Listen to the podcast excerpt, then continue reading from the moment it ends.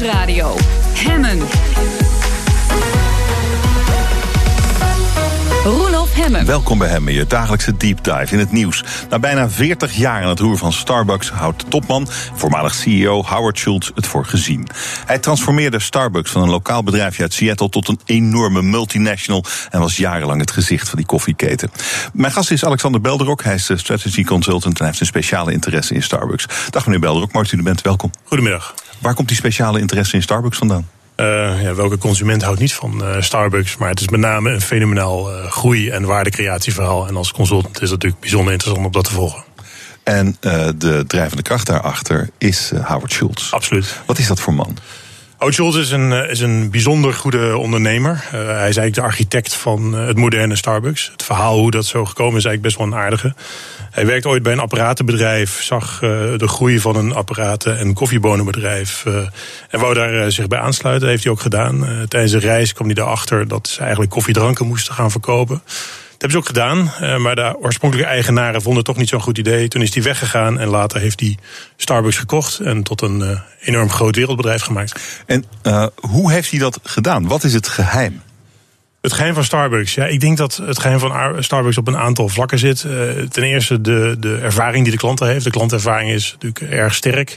Het merk wordt heel goed uh, neergezet. En uiteindelijk serveren ja. ze een, een, goede koffie. Ja, dat kan ik allemaal ook zien. Maar hoe kijkt u ernaar? Want u weet precies hoe dat werkt. Wat is het geheim daarachter?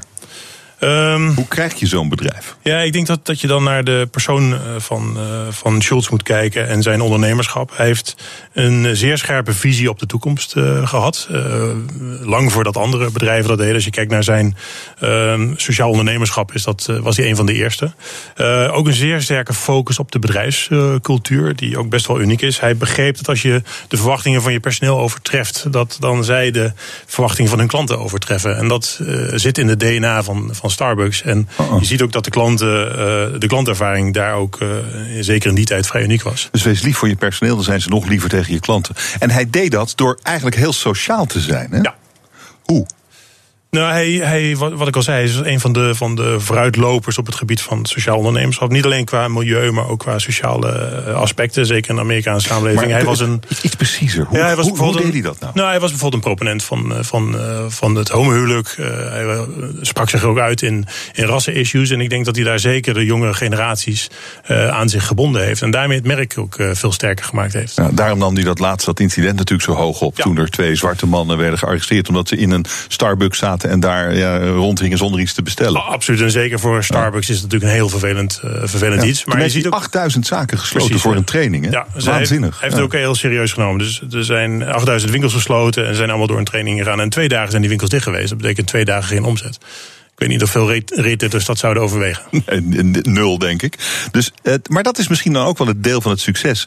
Dat je eh, dat gewoon durft te doen, omdat je het belangrijk vindt. Ja, hij kan heel goed ingrijpen. Hij is ook een periode weg geweest. Dat, althans, dat hij de toprol eh, neergelegd heeft tussen 2000 en 2008.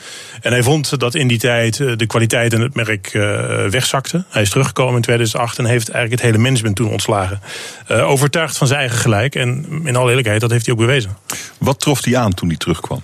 Um, hij trof aan een bedrijf wat te hard gegroeid was. He, dat, dat zie je veel in retail, dat uh, de groei uit uh, nieuwe winkels komt uh, of nieuwe locaties en niet zozeer uit de bestaande locaties. En hij heeft daar hard ingegrepen en geprobeerd dat weer op de goede weg te krijgen. En dat is ook Maar, maar, maar wat zie je dan? Wat, wat zag hij dan misgaan in die winkels? Um, ja, wat zie je misgaan is dat de, de, de klantbeleving onder druk komt te staan aan dat de kwaliteit van de producten minder is. Um, het aantal consumenten in de winkel wordt, uh, wordt minder. Dus, dus uiteindelijk, wat je de retailschare noemt, je, je, je groei uh, komt alleen maar door het investeren in nieuwe winkels. Terwijl de kern, uh, je bestaande winkels, daar moet uiteindelijk de echte groei uitkomen. Dus wat ze deden, ze gingen eigenlijk slechte producten verkopen, slechte koffie schenken. Ja. Hadden ze een andere bonen gekocht? Wat, wat ging er dan? Slecht wil ik niet zeggen, maar in ieder geval minder. Oké, okay. uh, en dan komt zo'n man terug. Ja. En wat is hij toen gaan doen? Ja, wat ik al zei, hij heeft het uh, management ontslagen. Hij heeft weer de focus gelegd op kwaliteit en uh, op het merk. maar en, even, ja? hoe dan? Ja, hoe. Um, kijk, als je een merkenbouwer bent, weet je dat dat, dat, dat een, een lastig proces is. En dan moet je heel consistent zijn. Hij heeft dat ten eerste gedaan door weer een sterke focus te leggen op, op de cultuur van Starbucks. Want daar zit natuurlijk de, de primaire klantbeleving. Hoe het personeel omgaat met zijn, met zijn klanten. Maar ook door de posities die hij innam op het gebied van sociaal ondernemerschap. was hij in staat om dat merk nog sterker te maken. Het is niet voor niks op dit moment een van de meest waardevolle merken ter wereld. Ja, maar ik vraag me dan toch af, als, als die, die man komt terug, dus die, het gaat hem aan zijn hart. Ja. Hij komt in die winkels, hij ziet dat dingen niet goed gaan. Uh, ik ben benieuwd naar de details. Hoe gedraagt zo'n man zich? Hoe zo, zo'n ondernemer, zo'n topman, wat doet hij precies om uh, zijn bedrijf weer op het goede spoor te brengen? Door, uh, door het goede voorbeeld te geven. Door, uh, door investeringen te doen die uh, versterken waar hij denkt waar de toekomst ligt. En wat een van is de dingen, dan? Nou, een van de dingen die, die overigens onder, de, onder het leiderschap van de huidige CEO of de nieuwe CEO gedaan is, is het neerzetten van de app. waardoor er weer veel meer verkeer, dus consumenten in de winkels langskwamen. Een app? Een betaalapp. Waarbij je ook punten kan sparen. Uh, het klinkt vrij. Ja, iedereen heeft een app, toch? Ja, iedereen heeft een app. Maar dit is wel bijzonder omdat je een geheel gesloten circuit hebt gecreëerd. Waarmee je als consument je Starbucks kan afrekenen en, kan, en, en, punten kan sparen. En zo je, je loyaliteitsprogramma mm. heel scherp neer kan zetten. Dus hij heeft de loyaliteit van de consumenten weer aangesproken en weer verder naar voren geduwd. Maar en was die app dan de, de, de enige manier om dat te doen? Nee, wat ik al zei, uh, weer terug naar de, de kwaliteit, introductie ja, van nieuwe producten. Ja, maar, dus maar wat u al zei, maar, maar dit zei u al, maar ik ben benieuwd naar, naar wat hij dan precies deed. Ja, wat, wat hij precies deed. Dat, dat ja, hoe ga je de loyaliteit? Dat is een enorme grote vraag. Ja. Hoe ga je de loyaliteit van het personeel, die blijkbaar onderuit gaat, hoe krijg je dat weer terug? Dat is een waanzinnige grote vraag. Ja, nou, wat ik al zei, hij heeft een aantal dingen gedaan. Eén ding is, wat hij gedaan heeft voor het personeel, is zorgen dat de, de, de benefits beter waren dan, dan bij andere bedrijven in Amerika. Gezondheidszorg is goed geregeld. Ook uh, de mogelijkheid om te studeren is goed geregeld. Dus daarmee creëer je loyale, uh, je loyaal personeel. En je moet niet vergeten dat in, in retail de eerste interactie van een klant is met het personeel. Dus als dat goed is, is dat een enorme grote factor. Tweede wat hij gedaan heeft, is het, is het uh, assortiment verder uitgebreid. Hij heeft ook uh, voeding erbij gebracht. Om te zorgen dat ook wat de consument besteedt in de winkel meer is dan daarvoor. Daarvoor kon je eigenlijk alleen maar dranken krijgen. Maar nu kan je ook allerlei koeken en, en, en, en, gebakken krijgen. Um, zodat de klant meer besteedt. Hmm. En nou gaat hij weg. Hoe is het bedrijf eraan toe? Wel goed, geloof ik. Ja, op zich is het bedrijf er uh, goed aan toe. Maar er zijn ook wel wat onzekerheden. Als je kijkt naar de gezondheidstrend, daar zit zij toch niet heel scherp in. Als je kijkt naar de suikergehalte van de, van de frappuccino's. Uh, wat ik al zei, de, de, de omzet in de bestaande winkels is aan het afvlakken. Uh, maar de belangrijkste factor is toch uh, Trump. als de welvaart in Amerika door alle acties die Trump onderneemt gaat afnemen... dan is dat heel nadelig voor een bedrijf als Starbucks. Omdat zij toch een enorme premie vragen voor hun dranken aan de consument. en dat zou nog wel eens een, een hele vervelende vervelender kunnen zijn. Uh, hoe is hij er zelf aan toe, Howard Schultz? Hij heeft het wel goed gedaan voor hij zichzelf. Hij heeft het zeer goed gedaan. Volgens mij heeft hij uh, 2,5 miljard verzameld. Zoiets. En terecht. Ik bedoel, hij heeft ook de groei gedreven. Onder zijn leiderschap is dat gebeurd. En dat vind ik ook de essentie van ondernemerschap. Als je het goed doet, mag je daar ook uh, de benefits van ja, krijgen. Nou, ja, natuurlijk. En uh, hij is nog niet zo heel oud. Hij is 4 of 65. Ja.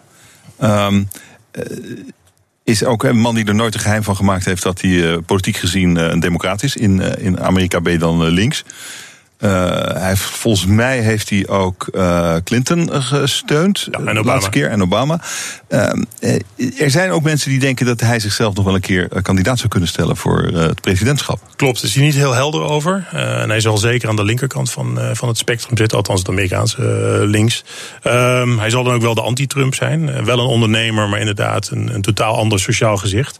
Overigens worden de kansen op succes van, van, een, van een presidentiële run wel, wel verdeeld ingeschat. Het is niet dat, dat, uh, dat het een, een, een, een, een walk in the park is uh, voor hem. Dus um, wie zal het zeggen? Het zou aardig zijn als hij meeneemt, denk ik. Hij heeft in elk geval geld genoeg om een campagne te voeren. Ja. Hij moet wel snel beginnen dan, denk ik. Um, ik ben geen politicus, dus ik uh, zou niet weten hoe dat werkt. Maar ik denk wel dat hij, uh, dat hij geld genoeg heeft. Ik denk ook dat hij tractie genoeg heeft. De vraag is of, uh, of, of het publiek wat hij aanspreekt, dat is toch de, laat zeggen, de, de wat meer sociaal voelende in Amerika, of dat voldoende basis is om mm. een succesvolle run te maken. Hartelijk dank voor dit gesprek. Strategy consultant Alexander Belderop, dank. Mijn volgende gast wil voor elkaar krijgen dat mensen met een handicap beter gerepresenteerd worden in de media. Hoe dan? Dat hoor je zo. BNR Nieuwsradio. Van goed naar beter. Er gaat veel goed in ons land, maar laten we vooral ambitieus blijven. Het kan altijd beter. Vandaag in Van Goed naar Beter een betere representatie van mensen met een fysieke handicap in de media. Het begon bij NOS-nieuwslezer Martijn Nijhuis. Laten we heel even naar het begin toe gaan. Waarom zijn er uh, te weinig gehandicapten op Ja, dat, televisie? nou, ja, dat snap ik dus eigenlijk niet, want ik zat na te denken. Eh, Het kwam doordat iemand zei: Goh, eh, ja, ik kan toch niet in de media werken, want ik ben gehandicapt. Toen werd ik heel kwaad. Toen dacht ik: Hoezo niet? En toen zei diegene: Ja, ik ken ze helemaal niet. En toen ging ik nadenken. Toen dacht ik: Ja, ik ken Luciel, toen ze Lingo presenteerde, maar die zie je bijna nooit meer. Ja. Takel van het Jeugdjournaal. Eh, dat was het. Mark de Hond. Mark de Hond, en eh, die zit hier naast me, presentator, ondernemer, cabaretier. Mark de Hond, welkom. ik, kwam er, ik kwam er nog net achteraan met Martijn. Hè? Ja, het schoot hem op het laatste moment nog even te binnen, blijkbaar. Nou ja, eh, jij bent het helemaal met hem eens, Mark. ja, zeker. Ja. Tot wat gaat dit leiden? Want jij vindt dat er iets moet gaan veranderen. Ja, nou, eh, ja, eigenlijk is, eh, is zijn verhaal heel helder. Er zijn gewoon eh, weinig mensen met een beperking te zien op tv of te horen op de radio. En als ze er zijn, want ik kom inderdaad ook wel eens op tv, ben ik ook wel eens ergens te gast, gaat het vaak over hun handicap. Dus je hebt bijna nooit iemand met een beperking op tv die het over iets anders heeft. Dus je op een gegeven moment denkt dat mensen niet meer kunnen dan over een handicap lullen. En eigenlijk, wat we nu doen, echt zo, eigenlijk, ook een beetje verkeerd, want ik heb een beperking. Wat wij en nu doen, ja, ja, en je praat over mensen met een beperking. eh, eh, ja, dus, eh, dus het, het, het zou inderdaad leuk zijn als je me inderdaad. maar goed, dat gebeurt ook wel eens. Volgens mij ben ik hier ook wel eens geweest om gewoon over mijn theaterprogramma te praten. En toen ging het niet over mijn beperking. Dus, en, en ik vind ook dat als het hierover gaat. Eh, dan moet je het ook met mensen met een beperking bespreken. Het zou een beetje gek zijn als je het bijvoorbeeld over de Paralympische Spelen gaat hebben. En dat je dan eh, heel geforceerd allemaal mensen gaat uitnodigen die geen beperking hebben. Omdat je, dus het, het gaat er meer om, er moeten meer mensen met een beperking komen die iets anders bespreken dan een beperking. Ja, en waarom is dat nu niet zo?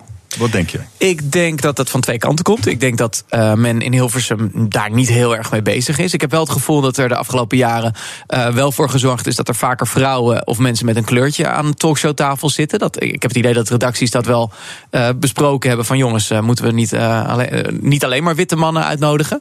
Ehm, toevallig ook heette vroeger iemand die dat presenteerde ook zo. Maar, dus dat is blijkbaar wel, wel wat aan gedaan. Alleen voor de- ja, mensen beperking, volgens mij, eh, totdat Martijn Nijhuis het hardop zei, heeft volgens mij niemand zich dat afgevraagd. Van eh, nodigen we die mensen wel genoeg uit? Zou het zo, zo eh, onschuldig zijn? Van, ja, ach, niet aan gedacht. Ik denk niet dat er in Hilversum een soort kwade wil Nee. is dat ze een hekel aan gehandicapten hebben. En dat ze daarom zeggen: nee, we gaan echt die, gast gaan we niet uitnodigen. Nee, het is gewoon Dus niet dat aan een soort gedacht. boycott Dus dan zou je denken dat is makkelijk op te lossen. Nou, inderdaad, door het even te roepen. Maar vervolgens is natuurlijk de vraag: wie dan? En eh, ik kan wel tegen de wereld door zeggen: eh, joh, eh, jullie nodigen erg weinig mensen met een beperking uit. En als het zo is, dan moet ik ook nog over mijn beperking praten. Want ik heb even gekeken, teruggekeken. Ik ben best wel een paar keer bij de wereld door aan tafel geweest. En het is inderdaad Paralympische Spelen, genezen van dwarslesies, toegankelijkheid. Dus ik dan denk: oh, ik ben inderdaad niet zo heel vaak geweest om over iets anders te Nee, praten. maar dat is dan blijkbaar je expertise in, de, in, de, in dit kaartenbakje. Ja, nou ja, ik weet er ook veel van. Dus nodig me inderdaad Op zich is dat uit. wel logisch. Maar ik weet ook best wel veel van andere dingen. Mhm. Eh, maar er is inderdaad, ik, ik heb ook niet meteen een heel lijstje van eh 100 man waarvan ik zeg die zijn allemaal leuk. Die hebben allemaal een beperking, maar heel veel verstand van iets anders. Dus daar kan je ze voor uitnodigen. Dus ik heb toen geroepen, misschien moeten we er inderdaad ook een soort X-Factortje-achtige auditie voor houden. Om te Ja. kijken wie zijn dat dan en Ja. wie kunnen dat? Dat zei je in de panorama. En wat bedoel je daar dan precies mee? Hoe zie, hoe zie je dat voor je? Nou, volgens mij hoeft dat niet per se een programma op zichzelf te zijn. Eh, alleen ik denk dat het wel handig is. En het leuke is dat mensen zich al bij me hebben aangemeld. Dus ik heb nu inmiddels wel een lijstje van mensen die willen. Wie hebben zich allemaal gemeld? Nou, gewoon allemaal mensen die, eh, die mijn oproep zagen. Dat ik, eh, ik heb gewoon ergens in een in- interview geroepen van volgens mij moeten we daar een auditie van houden. En toen zei de journalist in kwestie, zei een soort X-factor. En dat ik zei ja, oh, Oh ja. ja. Zo, en toen stond er de kop boven, de hond wil een X-factor voor gehandicapten. Maar Henk Jan Smits heeft trouwens ook al gezegd dat, dat hij het prima vindt om in de jury te zitten. Maar dat hoeft eh, dat hoeft van mij niet het tv-programma te zijn. Het, het, het is een middel om uiteindelijk het doel te bereiken. Dat ik, als ik bijvoorbeeld naar de redactie van De Wereld Daardoor ga en zeg: "Sst, Hier heb je een lijstje met eh, allemaal namen en deze gasten, moet je kijken. En dan kan ik ze misschien zelfs een soort YouTube-filmpje laten zien. Waar je, waar je die mensen ook nog eventjes eh, ziet. Van joh, de volgende keer, als je het over klassieke muziek hebt. Ik ken iemand die in een rolstoel zit, die daar wel alles van weet. En dan, dan zou dat een optie kunnen zijn om die ook een keer uit te nodigen. Een nieuw kaartenbakje, dat is, dat is eigenlijk het idee.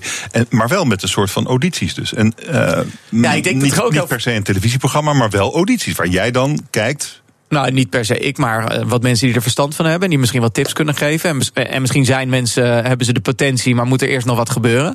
Kijk, eh, er moet aan de kant van mensen met een beperking moet er natuurlijk ook wat gebeuren. Die moeten niet allemaal, zoals Martijn nou ja, zei over dat ene meisje wat hem benaderd heeft, allemaal denken van ja, dat is voor mij toch niet weggelegd. Als jij denkt, ik wil graag in de media, ik wil graag gezien worden, eh, ik wil journalist worden, wat dan ook. eh, Ga een opleiding doen, ga bij de lokale radio zitten, ga bij de lokale tv zitten, ga zelf YouTube-filmpjes maken. Eh, eh, eh, om goed te worden, om, om je verhaal goed te kunnen vertellen in een microfoon. Of als Matthijs van Nieuwkerk of Roelof Hemme tegenover je zit, dat je dan kan uitleggen wat je wil zeggen. Dan moet je op oefenen. En dat kan je volgens mij doen door, door eh, nou, lokale, lokale radio, regionale tv. Eh, dus als die talenten er zijn en mensen zijn die dat graag willen, moeten ze er ook zelf wat aan doen. Je kan niet eh, thuis zitten, niks doen en dan hopen dat op een gegeven moment je, je een ster wordt. Oké, maar ga jij nou dan een website maken waar iedereen zich kan aanmelden of zo? Of vind je dat iedereen dat zelf moet gaan doen? Wil Nou, je, er- je wilt niet een platform maken, of wel? Ja, ja nou, ik, ik heb dat nu geroepen in, Ja, in een interview. Maar ik ga ik er zie dat je nog een beetje nee, ik ga, nee, nee, ik ga er daadwerkelijk wat aan doen. Ik heb, ehm, eh, het plan wat ik nu heb is dat ik eh, op een of andere manier het leuk vind om met deze materie eh, iets te doen. Ik denk dat er een hele interessante documentaire in zit. Een soort zoektocht eh, waarin ik zelf ga kijken. Wat, want maak ik, ik heb me er ook schuldig aan gemaakt. Ik ben, ik heb, ik, als ik geïnterviewd word en mensen vragen naar mijn beperking, ga ik een beetje antwoord zitten geven. Ook als het helemaal niet daarover gaat. Misschien moet ik dan wel gewoon wat strenger zijn en zeggen: joh, je hebt me toch uitgenodigd voor iets anders. Waar, waarom moeten we het nu over mijn rolstoel gaan hebben? Eh, misschien had ik soms nee moeten zeggen als ik werd uitgenodigd. Of had ik. eh, Had ik misschien had ik daar zelf ook. Dus, dus dat is interessant om daar eens op terug te kijken. Misschien moet ik ook eens met die redacties gaan praten. Van waarom bellen jullie me alleen eh, als, jullie, als jullie het over dwarslesies willen hebben. En misschien moet ik ook eens een keertje met spelprogramma's gaan praten. Want waarom hebben we in Temptation Island en Wie is de Mol... en al die andere programma's waar we allemaal zo graag naar kijken... eh, waarom zit eigenlijk nooit iemand met een beperking in? Waarom zou een verleider in Temptation Island niet een arm kunnen missen... of in een rolstoel kunnen zitten? De- niet dat ik me nu opgeef dat ik zeg van... joh, ik wil de volgende Nou keer met Temptation Island mee. Maar, Het is een interessante vraag. Zou je het antwoord weten? Nou, ik denk dat we er niet aan gedacht hebben, maar ik denk dat het hartstikke spannend. ja. Ik denk dat als Ja. Esther Vergeer eh, zou meedoen aan Wie is de Mol, dat zou toch hartstikke leuk zijn. En misschien is ze wel de mol. Al die, eh, de- ja, ik zou dat hartstikke leuk vinden als, eh, als ze daar. en ik denk, ik, ik denk misschien dat ze er wel eens aan gedacht hebben. En dat ze misschien hebben gedacht van ja, is toch wel lastig. Want als je bijvoorbeeld Wie is de Mol hebt, moet je al die opdrachten moet je allemaal rolstoel toegankelijk gaan zitten maken. Maar ik denk dat het kan. Sterker nog, ik heb zelf een avonturenprogramma gemaakt in 2009, waar mensen met handicap en zonder handicap ook een soort Wie is de Mol-achtig programma hebben gedaan. Dus je kan dat soort programma's prima maken met mensen met een handicap. Alleen, eh, ja, je moet het wel willen. Maar ik denk dat de wil er wel is hoor. Er wordt heel positief gereageerd op de oproep van Martijn. Ja. Ehm, dus je gaat een site maken waar mensen zich kunnen melden. Nou, op mijn site. Contact, ik heb op gewoon- jouw eigen site. Op mijn site marktdehond.nl. Als jij je geroepen voelt, je zegt ik heb een beperking. Ik wil het niet over mijn beperking hebben, maar ik weet heel veel van iets anders. Of ik heb heel veel passie voor iets anders. Of ik wil graag een keer in een tv-programma meedoen. Dan meld je je bij mij aan. En ik ben hiermee bezig. En er komt eh, op een gegeven moment een moment dat die mensen bij elkaar komen. En dat, eh, dat we gaan kijken wie zit er daartussen die daadwerkelijk eh, dat kunnen. En vervolgens wil ik die best bij de redacties naar binnen schuiven. En zeggen, joh, volgende keer nodig deze uit. Wat, wat denk je dat al dat gepraat van jou op televisie en de goed bekeken programma's en op de radio, dat dat jou gebracht heeft? Want je, je zei net, het ging heel vaak over mijn rolstoel. Eh, maar het heeft natuurlijk ook wel een paar dingen gebracht waarschijnlijk. Nou, wat mijn eh, idee daarover is en waarom ik meestal wel ja zeg als ik word uitgenodigd om het hier toch wel over te hebben, is toen ik zelf 15 jaar geleden in het ziekenhuis lag en de potentie had van ik moet de rest van mijn leven in een rolstoel zitten. Dat wist ik nog niet helemaal zeker, maar dat vermoeden was er wel. En ik zep langs tv en ik zie Esther Vergeer, die op dat moment eh, met tennis aan het doorbreken was en hartstikke goed was. En voor mij was het heel fijn om te weten van, nou, ik wil niet de rest van mijn leven in een rolstoel. Maar als dat zo is, dan is zo'n Esther Vergeer wel echt wel een voorbeeld van het leven wat zij heeft. Ja, misschien zou ik dat op zich wel willen. En toen eh, bleek dat ik inderdaad rolstoelafhankelijk was. We hebben toevallig Esther Vergeer een keer tegengekomen ergens. En een, een beetje aan opgetrokken. En ben ik ook gaan sporten. Dus zij was voor mij een heel eh, groot voorbeeld. En heeft mij geholpen in eh, het feit dat zij er was. Ze heeft dat niet eens echt met mij hoeven doen. Maar het feit dat ik wist dat zij bestond en naar haar leven kon kijken, was voor mij een heel groot voorbeeld. En het grappige is, het is een soort estafettestokje. Want eh, nu krijg ik weer mailtjes van mensen die zeggen: Ja, toen ik in het revalidatiecentrum lag, heb ik jouw boek gelezen en heb ik daar heel veel kracht eh, uitgehaald. Of eh, ik zie je wel eens op tv. Dus het is ook gewoon mensen met een beperking. Door daarover te praten, help je ook mensen die in die situatie zitten. Ja, door vooral ook zichtbaar te zijn, bekend te zijn, een Ja. rolmodel te zijn eigenlijk. Ja. En dat is wa- wat je misschien wilt bouwen hier met dit initiatief. Ja, alleen een nog beter rolmodel zou zijn als we eh, niet alleen maar bij mensen met een beperking denken: oh wat knap of oh wat zielig, maar oh wat gewoon.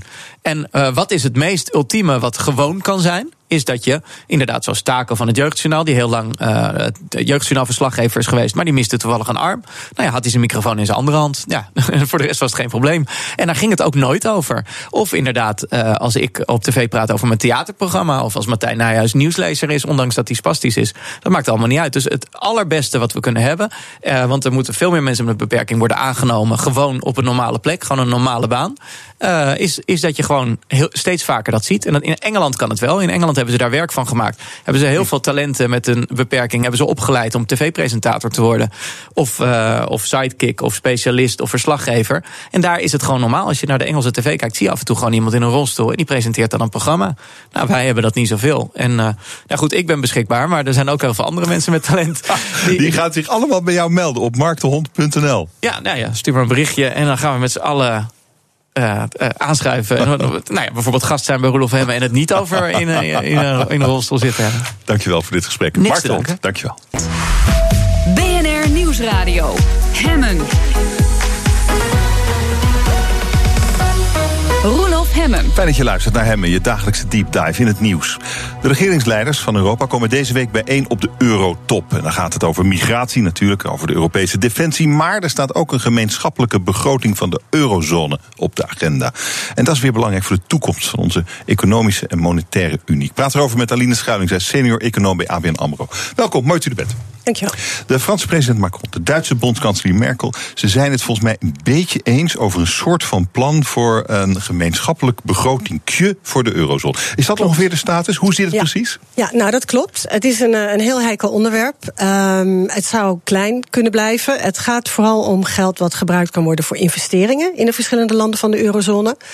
En uh, wat kan worden gebruikt voor noodhulp. Uh, als er dus een bepaald land te maken krijgt met een schok van buitenaf, dat ze snel en efficiënt tijdelijke hulp kunnen krijgen. Um, er is veel weerstand tegen, want waar het namelijk vooral om gaat, is dat dit onafhankelijk zou moeten kunnen opereren. Uh, het liefst wil Macron ook een Europese minister van Financiën. Er zijn nu uh, hulpfondsen beschikbaar, dat weten we. Hè. Een aantal landen heeft steun gekregen. Maar ten eerste moeten alle ministers van Financiën het daar dan mee eens zijn. Dus dat duurt heel lang.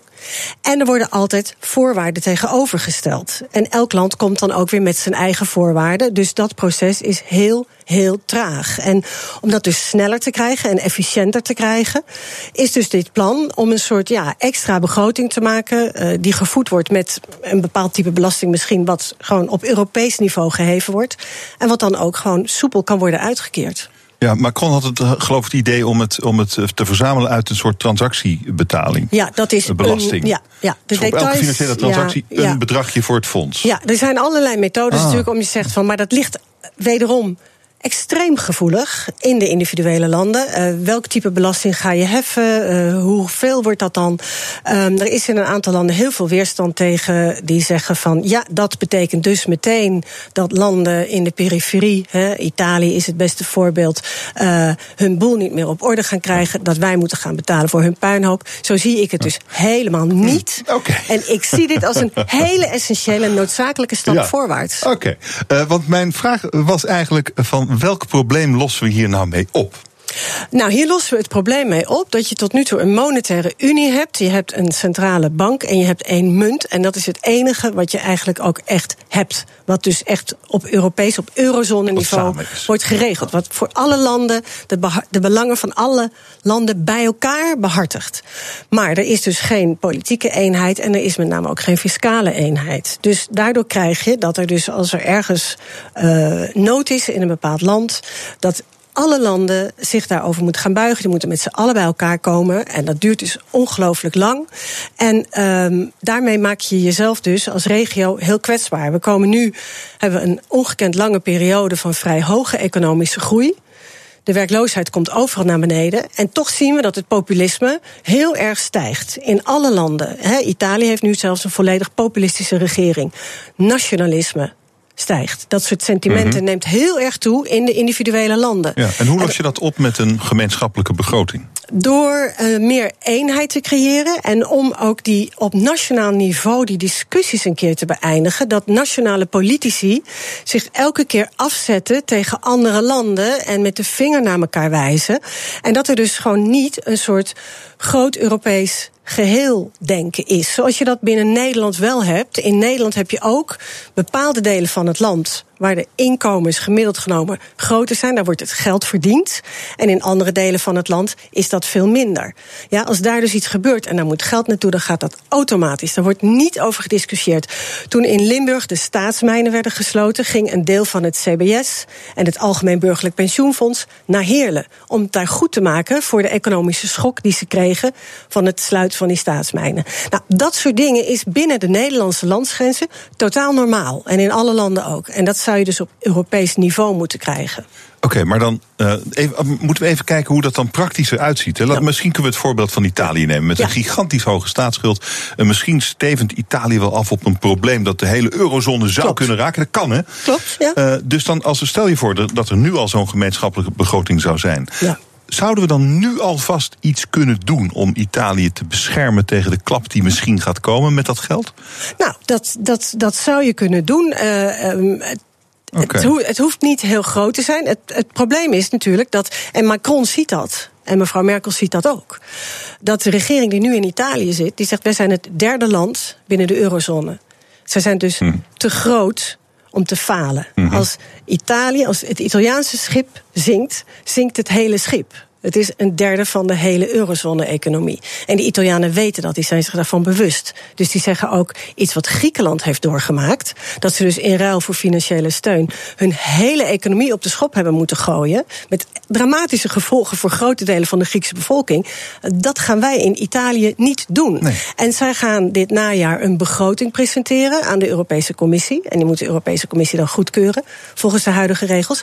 En de kans is heel groot dat hij dus in strijd is met de regels. En dan wordt het heel interessant. Ja, maar wat zou u dan, doen? Nou, dan gaan dus financiële markten. Hè, want dat is het probleem, wat we hebben gezien ook in de eurozonecrisis. Financiële markten reageren heel, heel snel. Dat zagen we ook ten tijde van de, hè, na de Italiaanse verkiezingen. Toen die regering, toen dat duidelijk werd dat die er kwam.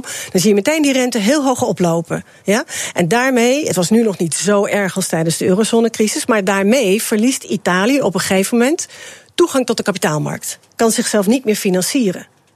Ja, Omdat beleggers zeggen van we vertrouwen dit niet meer.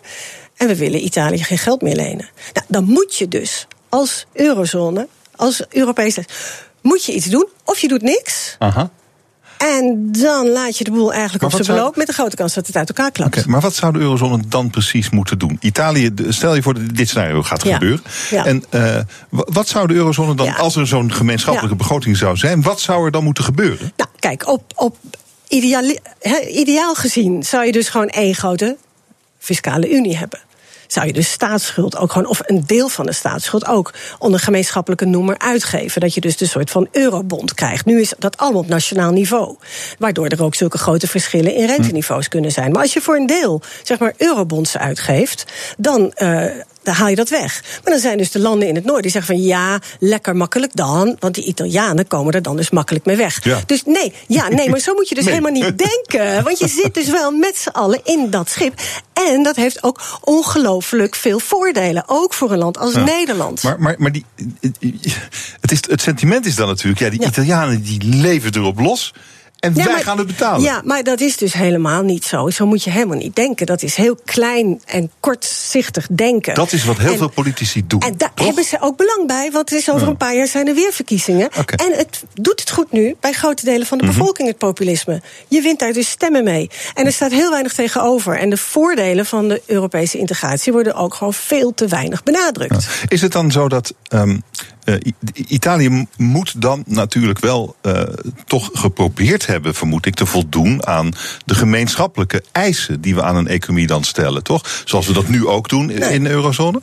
Of niet? Nou, het, verschillen uh, voegen ook juist veel waarde toe. Waarom? Waarom moet dat? Waarom, waarom kan je niet. Uh, bijvoorbeeld... Nou staatsschuld niet hoger dan 60% van het, uh, van het bruto binnenlands ja, product. Okay. Dat soort eisen, dat is toch. Ja, maar dat kan je ook met z'n allen oplossen als je daar belang bij ziet. Als ja, je daar dan baat kan, bij dan kan er toch nog steeds eentje op losleven en dan wij maar betalen. Ja, maar hoezo op losleven? Want jij kan ook naar Italië gaan. Jij mag daar werken, je mag daar wonen, je mag ja. daar een huis kopen, je mag daar alles doen wat je wil. Je mag daar op het strand gaan zitten de hele dag. Als je denkt. Ik mag niet stemmen. Als je denkt. Nee, dat dan niet, want dat is nog op nationaal niveau. Maar je ja. mag wel stemmen voor het Europees Parlement. Maar als jij denkt dat het leven in Italië zo ongelooflijk fantastisch is dat je daar niks hoeft te doen, easy living, geld voor. ga daar dan heen. Dat okay. mag. Ja, je mag daar naartoe, hè? Dus ook van jou nu. Dat mag. Oké. Okay. Uh, Oké. Okay. Uh, dus er hoeven niet extra eisen aan het beleid van een regering te worden gesteld dan? Um, voor een deel kan dat wel. Maar het hoeft, kijk, je moet je daar niet op blind staren. Dat is wat er dus nu gebeurt. Men staart zich daar volledig op blind. En dan beweeg je dus nooit vooruit. Dan blijf je dus stilstaan of je gaat achteruit. En wat Macron zegt, je moet vooruit bewegen, juist nu. Want er komen ook dreigingen van buitenaf. Zo'n Europese begroting, dat is wat betreft president Macron en ook Angela Merkel stap 1 op weg naar meer eenheid in de eurozone. Zo praten we verder. BNR Nieuwsradio. En deze week wordt er op de Eurotop gesproken over een gemeenschappelijke Europese begroting. De eerste stap op weg naar veel meer als het aan de Franse president en de voorzitter van de Europese Commissie ligt. Mijn gast is Aline Schuiling, senior econoom bij ABN AMRO. We hadden het net waarschijnlijk over uh, dat, dat die, die, die begroting, hoe goed dat zou zijn. Eén gemeenschappelijke begroting. Uh, we hadden steeds uh, Italië. Maar we hebben natuurlijk ook Griekenland gehad. Ja. Griekenland is nou, ongelooflijk veel geld ingegaan. Uh, en dat doet het nu weer een beetje, maar uh, lijdt ja. en zucht onder al die voorwaarden waar ze aan moeten voldoen. Ja. Was dat al, als we nou zo'n gemeenschappelijke begroting hadden gehad, een paar jaar geleden, ja. was Griekenland dan ook zo'n drama geworden? Dat, ja, dat is het probleem met de economie. Je kan het nooit reproduceren. Je weet het dus niet. Maar de schade had wel beperkter kunnen blijven. En ook, er is een uitstralingseffect geweest. Er gaat altijd een besmettingseffect uit van financiële markten. Hè, dat zag je nu ook met als de rente in Italië sterk oploopt, loopt die ook op in Spanje hm. en in Portugal en, en in Griekenland. En al die landen worden dus door beleggers als een soort één gezien. Dus uh, ja, in die zin heb je ook altijd dat er landen worden aangestoken die er niks mee te maken hebben. En Spanje is daar een goed voorbeeld van. Spanje, Italië wordt door veel beleggers als een soort één geheel gezien. Beleggers van buiten de eurozone. Dus uh, ja, dan krijg je dus dat de rentelasten voor de Spaanse regering ook heel erg beginnen op te lopen als de Italiaanse regering. Dus je zit al voor een deel, zit je ja. met elkaar verbonden. Ja. En daar zou dus zo'n fonds dan ook heel goed kunnen zijn om landen die er in wezen wel last van hebben, maar niks mee te maken, dat je die ook wat meer uit de wind houdt, maar dat je ook probeert om een land dat wel een probleem heeft, uh, te helpen om dat op te lossen op een efficiëntere manier sneller. Want nu bij die ja. eurozonecrisis ging dat zo ongelooflijk langzaam. En, en ja, daardoor heeft op een gegeven moment de Europese Centrale Bank eigenlijk in moeten grijpen, omdat de boel echt uit elkaar dreigde te ploffen. En toen heeft de Europese Centrale Bank, want die behartigt wel de belangen van iedereen. Die is toen begonnen met dat opkoopprogramma. Daar is bijna 3000 miljard in gegaan. Ja, ja. Nou, ja. hadden we wel een paar andere dingen mee kunnen doen. Nou ja, Hoewel, kijk, het is, dat, geld, dat geld is niet weg. Maar uh, ja, onder andere door dat opkoopprogramma is bijvoorbeeld de rentelasten voor de Nederlandse staat zijn met 5 miljard gedaald. Dat is gewoon een feit, 5 miljard. En dat is uh, ja, ongeveer een half procent van het BBP. Ja. Daar kan je dan weer leuke dingen van doen.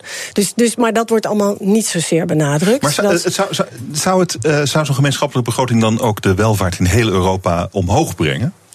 Het zou kunnen, of omdat het, het ook voor investeringen. Trekken? Nou, dat is een goede vraag. Dat zegt Macron ook. Het moet voor de investeringen. Want wat je zag uh, tijdens de crisis, moest er bezuinigd worden in vrijwel alle landen, ook Nederland, Duitsland. En dat is vrijwel volledig voor een heel gedeelte gegaan in overheidsinvesteringen. Want dat is makkelijk, die klagen niet. Dus als je ambtenaren salarissen wil korten, krijg je problemen. Sociale mm. zekerheid, krijg je stakingen, problemen, gedoe.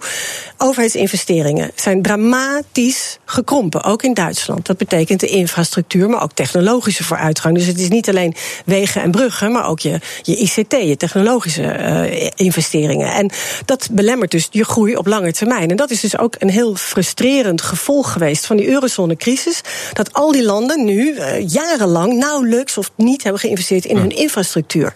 En dat zet je ook op achterstand. Ja, en dat is de, dus omdat we de suboptimale oplossing hebben genomen in uw ogen. Ja. Want, uh, oké. Nou, u bent echt fan hè, van zo'n gemeenschappelijke begroting. Nou ja, ik, denk, ja, denk, denk, ik zie dat wel als een noodzakelijk iets. Je moet voorbewegen. Want ik nu ook, hè, gegeven alle kwetsbaarheden die er zijn. En nu zit je in een periode van hoge economische groei. Ja? Maar er komt ongetwijfeld, want het is natuurlijk gewoon een economische cyclus. Er komt weer een periode dat het slechter gaat met de economie. Dan gaat de werkloosheid oplopen. Wat gebeurt er dan? We hebben meneer Trump in Amerika zitten. Die wil handelsbelemmeringen, die wil tarieven gaan heffen op de export vanuit de eurozone. Sommige landen worden daar harder door getroffen dan andere. Zo kan je dus ook de boel uit elkaar spelen. Verdeel en heers. Als je dus niet als Europa op één lijn zit, maar je trekt je allemaal terug in je eigen veilige huisje en je denkt: ik wacht wel tot het overgaat, dan gaat het dus helemaal fout. Je moet met z'n allen dat soort gevaren van buitenaf ook tegemoet treden. Ja, ja maar, dan, dan, maar ik blijf toch wel een beetje uh, het gevoel hebben van. Ja, als je het heel grof zegt, ja, wat kan mij de Bulgaarse economie eigenlijk schelen? Ja, zo. Ja, en dat dan is, zou je dus ook kunnen zeggen hier in de Randstad... van wat kan Drenthe mij eigenlijk schelen? Of Limburg of nu Groningen, waar aardbevingen hmm. zijn. Wat kan mij dat schelen? Wat kan mij dat schelen? De, de Del, uh, Zeeland ligt onder het zeeniveau. Er moet elke keer geïnvesteerd worden in die deltawerken. Het moet elke keer, wat kan mij dat hier in Amsterdam schelen? Zo denk je toch niet? Is, er, zo denk je toch niet? Nou, uh, minister Hop, Wopke Hoekstra, Hoekstra van, ja. van, Financiën wel. Ja, en dat, daar, moet je, dus, daar moet je dus iets ja. aan doen. Want hier in Nederland heb je gewoon een nationale regering die voorkomt... -huh. dat wij zo tegen elkaar gaan lopen kinderzinnen dat ik hier als Amsterdammer ga zeggen van ja, maar ik wil niet meebetalen aan de problemen in Limburg. Is toch belachelijk? Is er dan Daar heb je dus een nationale regering voor nodig die dat voorkomt. Dus hebben wij een Europese regering nodig. Ja, dat is ook dat is een hele belangrijke stap. Want uh, ik zei al, de Europese Centrale Bank, dat is ook zo'n bron van irritatie in veel landen. Die heeft dat opkoopprogramma gedaan. En dat is dus helemaal niet uh, democratisch verlopen. Daar is daar, want de Europese Centrale Bank is volledig onafhankelijk. Die staat buiten de politiek. En die heeft ingegrepen toen die crisis helemaal uit de hand liep te lopen, omdat politici niet tot een oplossing konden komen. En dan zijn het diezelfde politici die dus nu zitten te piepen dat die Europese Centrale Bank dat opkoopprogramma is gestart en dat dat ondemocratisch is. Ja, wat doe je? Dat, dat, dat is dus dat, dat conflict aan alle kanten. Dus wat wil je? Wat wil je? En je kan dus niet alleen maar de hele tijd piepen en met uh, kritiek komen zonder ook vooruit te denken. Maar Macron doet dat wel en ja. in zijn kielzog Angela Merkel ook. Ja. Denkt u dat dit ervan gaat komen? Ik hoop het echt van harte. En het wordt waarschijnlijk iets kleins en iets een beetje suboptimaals. En een beetje uh, weer, hè, dat is weer de Europese oplossing. Dat je dus niet een soort grote stap, maar een heel klein, klein, klein stapje. En dan in de hoop dat dat ooit weer wat groter kan worden. Dus ik, ik heb niet heel hoog gespannen verwachtingen wat dat betreft. Maar ik hoop het wel. Hartelijk dank voor dit gesprek. Graag gedaan. Senior econoom bij ABN AMRO, Aline Schuilik. Dank. Energiezaken. Met onze energiedeskundige Remco de Boer. Hi Remco. Hi Rolof. En vandaag uh, gaan we het hebben over een compilatie uit het radioprogramma, althans we gaan mee beginnen, het radioprogramma Vroege Vogels, waarin Donald Pols, directeur van Milieudefensie, te gast is. Luister even. Het klimaatakkoord leek binnen handbereik te zijn en toch is het uh, uh, deze week nog niet gelukt. Waar, waar loopt het op vast? Zoals een, uh, veel dingen in het leven vastlopen op wie gaat betalen. Eigenlijk denk ik wel eens, het lijkt een beetje, de industrie die lijkt een beetje op de Hells Angels. Die zeggen, ja. jullie hebben een probleem, dat zijn wij. Uh, dat probleem kunnen wij voor jullie gewoon oplossen. Maar dan moet je wel betalen. En als je niet betaalt, dan zorgen wij dat je probleem nog een stuk groter wordt. Donald Pols van Milieudefensie zegt hier... de uh, industrie is de georganiseerde misdaad van het klimaatprobleem. Ja, wat een lieverd, hè? Wat een schat. Boom. Ja, daar zit je dan mee aan tafel als industrie. ja, geen wonder dat het niet zo goed gaat nee, aan die klimaattafels. Nee, nee, een soort maffia, hè? afpersen. Ja, het is, was, hij heeft hier natuurlijk wel de kern van het probleem te pakken... namelijk wie betaalt de energietransitie? Nou, volgens mij hebben we hier eerder over de kern te pakken... Uh, tot welk niveau uh, er gedaald is... Uh, oh. in die onder... Nou, vind je niet? Ja, oké. Okay. Even de toon van het... Uh, het ja, leuk daar, als je, als je, als je, als je baas hier ja. bij BNR zegt... zeg Roelof, ik vind jou een beetje een Hells Angel zoals jij opereert. Is toch niet zo gezellig? Nee, nee, nee. Je hebt ook gelijk. Het is niet heel beleefd. Nou goed, Nee, laten we ja, daar maar niet de- te ver op doorgaan. Want eh, dat is, het is natuurlijk beneden alle pijl. Dit, dit kan natuurlijk eigenlijk gewoon niet. Maar goed, laten we dat dan maar even eh Oké, maar parkeren. oh, nou goed, misschien eh, ik moest de emotie even toelaten. En dan ben ik het natuurlijk helemaal met je eens. Maar het, het, het, het gaat natuurlijk aan die tafels ook wel degelijk over wie betaalt de transitie. Absoluut, absoluut. We, we zien in deze fase, 10 juli, om twee uur middags moet er het hoofdlijnen klimaatakkoord worden gepresenteerd. Waarvan wij al weten, dat wordt niet echt een akkoord. Dat wordt daarna tot aan december nog het echt onderhandeld. Misschien dat sommige tafels een beetje wat hebben. En je ziet inderdaad, dat, eh, dat zeg je goed, eh, wie gaat de boel betalen? En eh, dan zie je, en daar wil ik het met je over hebben graag vandaag, ehm, de industrie, daar gaan alle ballen op. De industrie is eh, sowieso fout. Hè. De fossiele industrie wordt als fout gezien. Die vieze uitstoters, de grote Door de uitstoters van bedoel ja, maar ook wel steeds meer door politieke partijen, door eh, in de publieke opinie. Want wat was interessant, zaterdag kwam de SP, Lilian Marijnissen, in, eh, in het AD met een groot artikel. En die lanceerden daar eigenlijk hun nieuwe eh, platform, zou ik bijna zeggen. Hun nieuwe issue, dat was de zorg. Dat is niet gelukt, daar hebben ze twee verkiezingen mee verloren. Klimaatrechtvaardigheid. En zij zegt, nou ja, prima die transitie, dat is goed, dat moeten we ook doen. Maar de burger gaat niet betalen. Nou, dan weet jij wie het wel moet zijn het grote bedrijfsleven. Eh, je zag het ook gisteren met de deal die werd bekendgemaakt tussen de staat en Exxon en Shell in Groningen. Ja, we moeten nog gas daar winnen.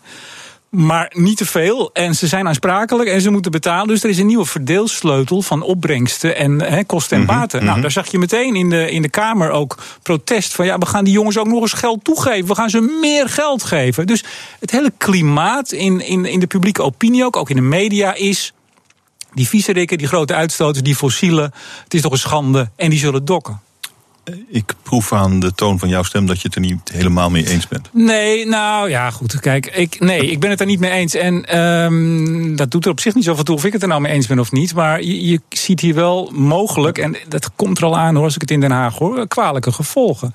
Kijk, wat zie je ook? De vrienden van de industrie. Kijk, ik, ik ben niet zo van de industrie. Dat heb ik je wel eens verteld. Ik heb niet zoveel met die grote bedrijven. Jij bent onafhankelijk energiedeskundige. ik zeg het maar- nog maar eens met ja, nadruk. Nee, maar, want- maar goed, ja, weet je, eh, nee, maar het probleem is ook dat in, omdat het zo gepolariseerd wordt, vergelijk Mhm. met georganiseerde misdaad, eh, dat op het moment dat je iets nuancerend zegt, ik heb daar veel last van, dan zeg maar, ja, jij werkt voor die industrie. Jij bent een lobbyist voor ze. Totale kolder. Dus wat zie je in dat klimaat? Dat mensen die zich nog wel eens genuanceerd uitlieten, sommige hoogleraren, ja, die kijken wel link uit. Mhm. Doet me erg denken aan de schaliegastijd, waar ik het boek over heb geschreven. Zeer gepolariseerd. Eén geluid gaat domineren, namelijk die jongens zijn fout. Zij zorgen ervoor dat er uitstoot is en opwarming van, van de aarde. En ja, daar hoor je niet zoveel op terug. En wat gaat er nou gebeuren? Vorig jaar, of twee jaar geleden, heeft eh, Exxon nog een miljard investering in Nederland aangekondigd. Die, die doen ze ook eh, in, in Rotterdam.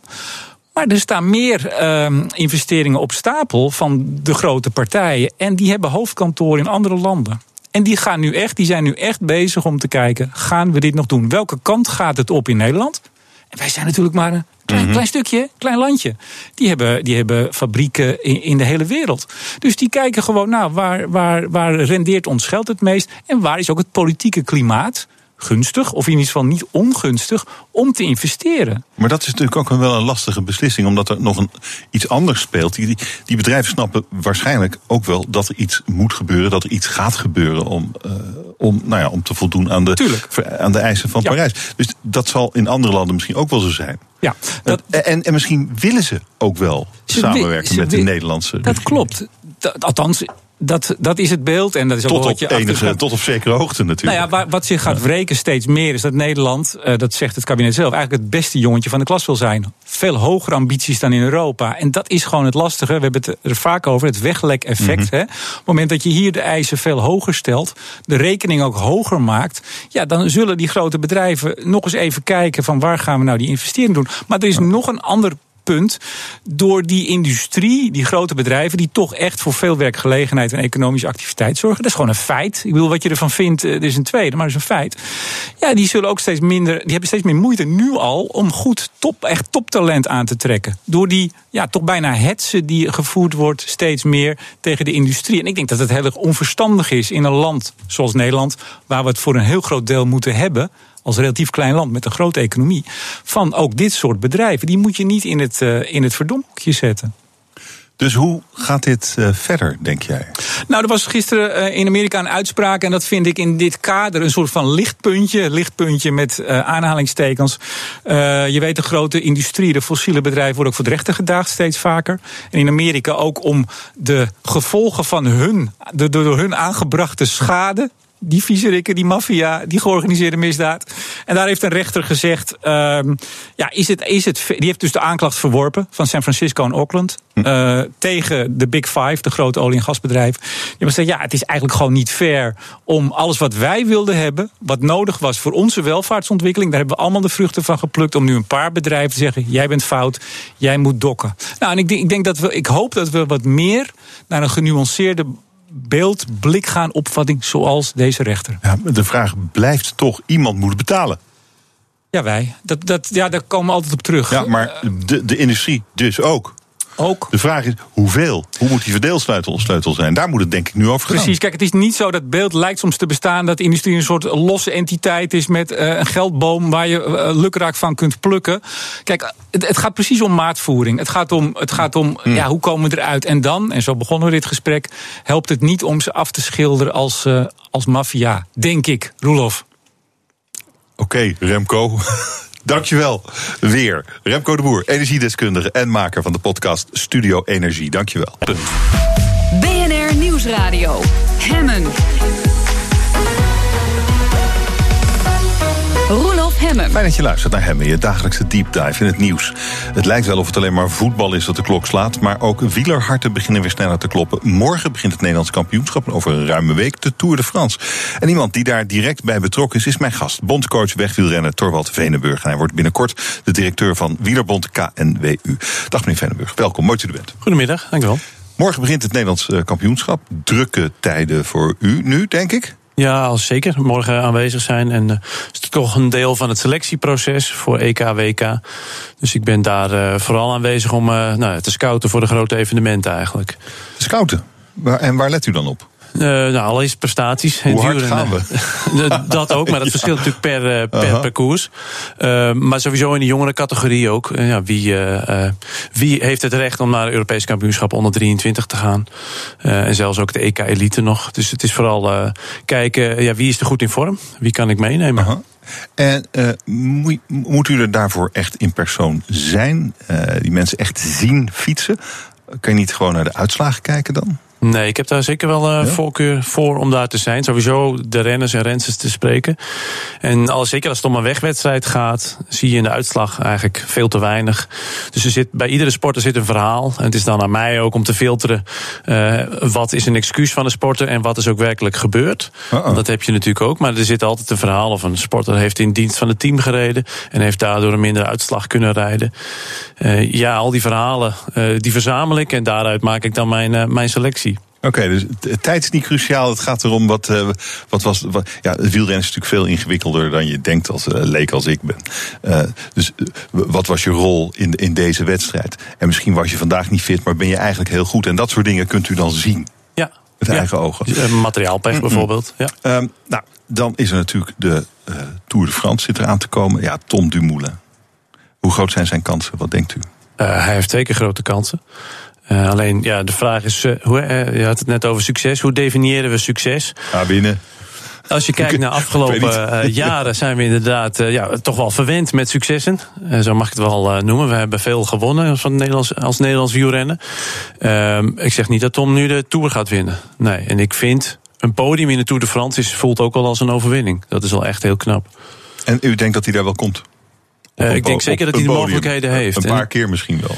En misschien wel aan het eind ook. In etappes wel. Maar goed, uh afgelopen jaren had hij natuurlijk als voordeel dat hij niet voor een klassement ging. En daarom meer ruimte en vrijheid had om voor etappes te kunnen gaan. Nu heeft hij uitgesproken wel voor een klassement te gaan. En dat beperkt je in je vrijheid om voor dagsucces te gaan. Hmm. Dus ja, en het is bij, bij Tom is het heel goed uh, om te kijken hoe ontwikkelt hij zich tijdens deze drie weken. Het is natuurlijk een hele lange periode. Uh, en hij voelt zich nu fris na de Giro, uh, ronde van Italië. Maar de vraag is, ja, hoe blijft dat zo na twee weken tour? Ja, ja dat, dat kunnen wij eigenlijk niet voorspellen, denk ik. Of u wel, nee. Nee, niemand. Um, is, is, dat, u bent bondcoach. Um, dit is een hele goede, hele goede wielrenner. Heeft u het gevoel dat u ook een aandeeltje hebt in zijn succes? Ik heb daar wel invloed op. Uh, maar een aandeel, kijk, de sporter doet het vooral zelf. En ik heb het daar ook met Tom zelf over gehad. Ik zeg, wat hebben wij als bond nou voor jou kunnen betekenen? En hij zei, nou in mijn geval is het zo dat ik de mogelijkheid heb gekregen om in het buitenland uh, wedstrijden te rijden. Waardoor ik veel heb geleerd en waardoor ik mezelf heb kunnen laten zien aan, aan teams. Uh, ja, bij andere sporters, uh, nou ja, die beginnen met wielrennen mogelijk door een dikke bandenrace hè, in een dorp. Um, en zijn daardoor lid geworden van een club. Dat is een ander ja, traject hoe iemand kan gaan beginnen met wielrennen. Um, ja, zo zijn er meerdere manieren waarop wij als bond proberen, en ik als, als bondcoach, mm -hmm. uh, om bij te dragen, een klein stukje bijdragen aan iemands uh, carrière. Maar het belangrijkste vind ik bijdragen aan de ontwikkeling van een sporter. En vooral uh, ja, zorgen dat de, een jongen of meisje plezier heeft. Ja, want bondscoach in het wielrennen is wel iets anders dan bondscoach van Oranje. Hè? Daarmee bedoel je voetbal? Qua, ja, ja, ja, ja sorry, sorry ook in het oranje? Ja. ja, ja, natuurlijk. Nee, maar het oranje voetbal bedoel ik, sorry. De, ik, ik denk dat er wel verschillen zijn. Het, ik, volgens mij is bij het voetballen zit de bondscoach veel dichter op op het moment dat het gaat gebeuren. En uh, bij u zit het in een, misschien wel in een langjarig traject. Ja, want ik heb uh, dat klopt. Ik heb als talentcoach gewerkt uh, nou, met een aantal sporters die nu wederom uh, zeg maar tot mijn selectie kunnen behoren. Dus ik heb ze eerder in de ontwikkeling nou, mogen begeleiden. En dat is al wel anders. Dus ik, ik, ik ken ze goed. En ik probeer ook gedurende het hele seizoen contact met ze te onderhouden. Soms door wedstrijden te bezoeken. Een Giro d'Italia of een Tirreno Adriatico. En veel ook via de WhatsApp. Gewoon een berichtje sturen van hey, ik heb het gezien. hoe gaat het? Gevallen of nou, gewonnen een beetje uh, proberen te delen in de vreugde en leed die sporters hebben. Ja, maar wel een beetje uh, op de achtergrond. Ja, dat vind ik wel belangrijk voor een bondscoach ook. Het is achtergrond. Het, het belang van de, wiel, van de wielersport in Nederland is eigenlijk mijn enige belang. En daarmee dus het hmm. belang van de sporters. Uh, en dat vind ik wel heel belangrijk om dat uit te dragen. Dat ja, ik ben er voor hen. Uh, ja, en niet voor teams. Hoewel door vaak samen te werken met teams help ik de sporters ook. Dus dat is mijn drijfveer om echt die samenwerking met die verschillende commerciële teams op te zoeken. Omdat we samen eigenlijk hetzelfde belang hebben. Namelijk zo goed mogelijk presteren. En hoe werkt u dan samen met commerciële teams als bondscoach? Nou, bijvoorbeeld als we het toch weer over uh, Tom Dumoulin hebben voor uh, de tijdrit in Bergen. Uh, dat Tom Dumoulin daar wereldkampioen werd. is een project dat we samen anderhalf jaar daarvoor zijn opgestart. Met het commerciële team, met de experts uit het team. Met onze kledingsponsor. ze hebben echt een projectteam opgezet van hoe kunnen we nou zorgen dat Tom zo optimaal mogelijk aan de start kan verschijnen van het wereldkampioenschap tijdrijden. Zodat hij nou, wereldkampioen kan worden. En dan moet je denken aan ja, hoe ziet de voorbereiding eruit. Dus wat heeft hij nodig in zijn warming-up. Als het heel warm is, dan heeft hij uh, bepaalde methoden om zich te koelen. Koelvesten, uh, slushpuppy, zeg maar, een soort mm. ijzerdrank. Door je van binnen uit te koelen. Maar ook, ja, waar warmt hij zich op? Is daar voldoende ruimte? Is het droog? Um, Vooral als het slecht weer is. Maar ook zaken als aerodynamica. Hoe zorgen we nou dat onze kledingfabrikant het snelste pak heeft van de wereld, zodat hij uh, het meeste voordeel heeft eigenlijk. En daar zit uw invloed. Ja, zeker. Dus mijn invloed zit vooral zo, uh, proberen die sporten zo optimaal mogelijk aan het vertrek te krijgen. En dat begint dat ik twee jaar uh, voor een evenement al op zoek ga naar uh, ja, voor ons beste hotel. Met goede faciliteiten. Moet je denken, ah, koffie is heel belangrijk voor wielrenners. Maar ook een ruimte waar de mechaniekers goed het materiaal kunnen verzorgen. Kunnen ja, repareren. Um, maar dat zit ook in hele andere zaken. Hey, hoe zijn de bedden? Zijn die lang genoeg? Bijvoorbeeld, ik ben al eerder op verkenning geweest in Japan en daar waren de bedden niet langer dan 1,80 meter. Ja, dat gaat niet werken voor onze atleten. Nee. Dus het zijn allemaal kleine zaken waar ik in een, ja, een vroeg stadium al ja. aandacht aan geef. Zodat als de sporters daar eenmaal zijn tijdens het evenement, eigenlijk de, uh, ja, de top, het topsportklimaat, de sfeer, dat ja. dat eigenlijk perfect is. En doet u ook iets bij de Tour de France wat dat betreft? Nee, nee. Dat is echt een eh, totaal op zichzelf staand uh, fenomeen. Nou, dat is voor de, voor de teams zelf. Dus dat kun je ja, vergelijken ja, met een wedstrijd in de, in de Champions League. Mm -hmm. Dat is echt voor de, voor de teams zelf. Mm -hmm. En ik ben daar puur uh, om te kijken en eventueel contact te hebben. Over die tour. Er is nu op dit moment heel veel te doen over Christopher Froome. Met de hoge uh, waarde van een verboden middel in zijn bloed.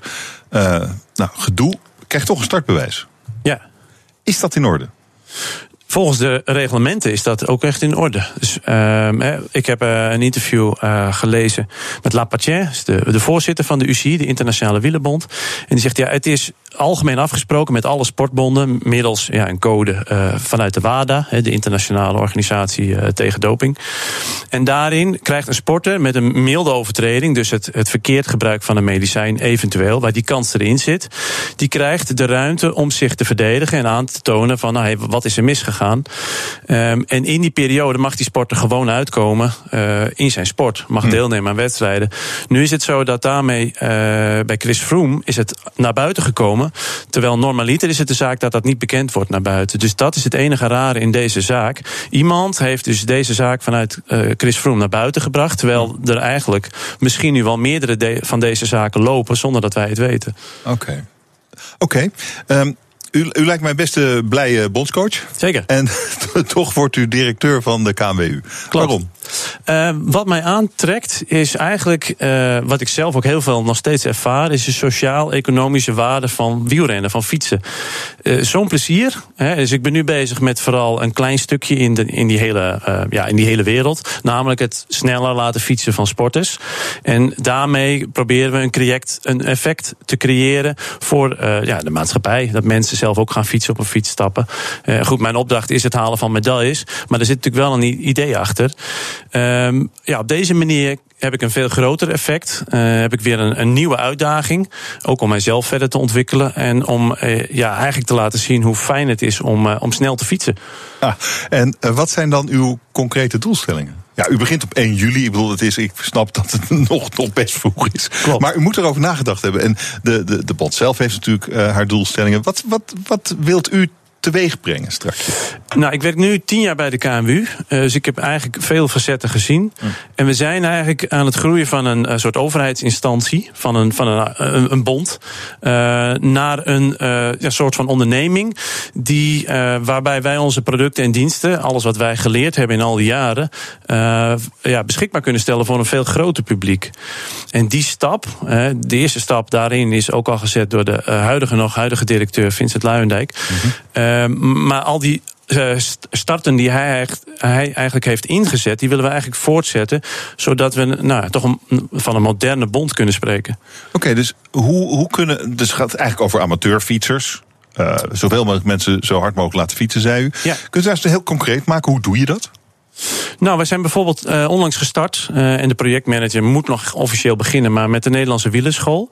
En dat is eigenlijk alles wat wij aanbieden voor onze leden dus waar onze leden uh, lid van ons zijn, mhm. ook aanbieden voor het grotere publiek. En dat kan zijn bijvoorbeeld uh, Join the Race of Start the Race. Um, dat is dus een, um, eigenlijk een soort training van meerdere dagen of meerdere dagdelen. Die je leren hoe rijd ik nou in het peloton? Hoe word ik stuurvaardiger? Om eventueel deel te nemen aan een wedstrijd. Maar sowieso, dat stuurvaardigheid is iets wat ik veel terug hoor. Van ja, ik zou eigenlijk toch beter willen leren fietsen, beter willen dalen, trainingsvormen leren kunnen jullie ons dat leren? Dus eh, ja, wij doen dat al jaren zeg maar, in de topsport en talentontwikkeling. Maar ik denk dat veel meer mensen daar plezier van kunnen hebben. Ja, breng dat verder naar beneden in de piramide. Dat is eigenlijk dan het idee. Ja. Maar moet je dan, wel, dan moet je wel lid zijn van de bond, denk ik. Uh, dat is nu inderdaad uh, nog de, de, zoals het werkt. Wilt u veranderen? Ja, als dat mogelijk is, ja. Want als uw doelstelling is zoveel mogelijk mensen zo hard mogelijk laten fietsen, dan zou het niet uit moeten maken of je lid bent van de bond of niet. Nee, klopt. Dus hoe gaat u dat dan voor elkaar krijgen? Nou, daarover zijn we wel ook in gesprek met onze, bijvoorbeeld onze verenigingen. Dat zijn nu eigenlijk onze grootste aandeelhouders. Uh, en dat is ook een belangrijke basis van onze talentontwikkelingsstructuur. Die clubs die zijn echt heel voornaam ook in, in, uh, hierin. Mhm. Om ook vrijere lidmaatschappen of vrijere trainingen aan te bieden. Waarin mensen gewoon eigenlijk kunnen komen aanwaaien. en iets kopen bij een club. Zeg maar, ik noem het kopen. Ja. maar dat is ook een verdienmodel natuurlijk. Ja, dus wij moeten kijken wat zijn haalbare verdienmodellen. ja, om onze producten aan te bieden. En welke uitdagingen liggen er nog meer voor de wielersport? En welke rol kan de bond daarin spelen? Ik bespreek het zo. BNR Nieuwsradio. Hemmen. Mijn gast is Torwald Venenburg. Hij is vanaf 1 juli directeur van Wielerbond KNWU. Op dit moment is hij nog bondscoach. Uh, we hadden het net over een uh, verdienmodel van bijvoorbeeld de wielerschool. Uh, inkomsten genereren voor de, voor de bond, voor de wielersport. Um, d- er zijn natuurlijk nog veel meer mogelijkheden om geld te verdienen aan wielrennen. Een paar voorbeelden die de Tourstart in Utrecht. eh, dat levert wel serieus geld op, geloof ik. Eh, het is hoe je het bekijkt en dat is vaak ook het probleem. Als je er pu puur economisch naar kijkt, dan is het lastig om daar een verdienmodel eh, nou, om daar aan te verdienen. Maar het, het effect is natuurlijk veel groter. Hè, wat ik net ook al aanhaalde. Het sociaal, eh, maatschappelijk of economische effect. Dat gaat veel verder dan alleen maar kijken hoeveel hotelovernachtingen hebben we verkocht. Als je kijkt hoeveel. Ik ben zelf bij de Tourstad in, in Utrecht geweest. Eh, de sfeer die daar hing was echt fantastisch. Dus hoeveel blije mensen eh, al die uren daar gestaan hebben, gezamenlijk. eh, ja, dat is ook iets waard. Alleen dat is nu nog heel moeilijk uit te drukken in een bepaalde schaal. Maar zit er voor de, voor de, voor de bond geen cent winst aan?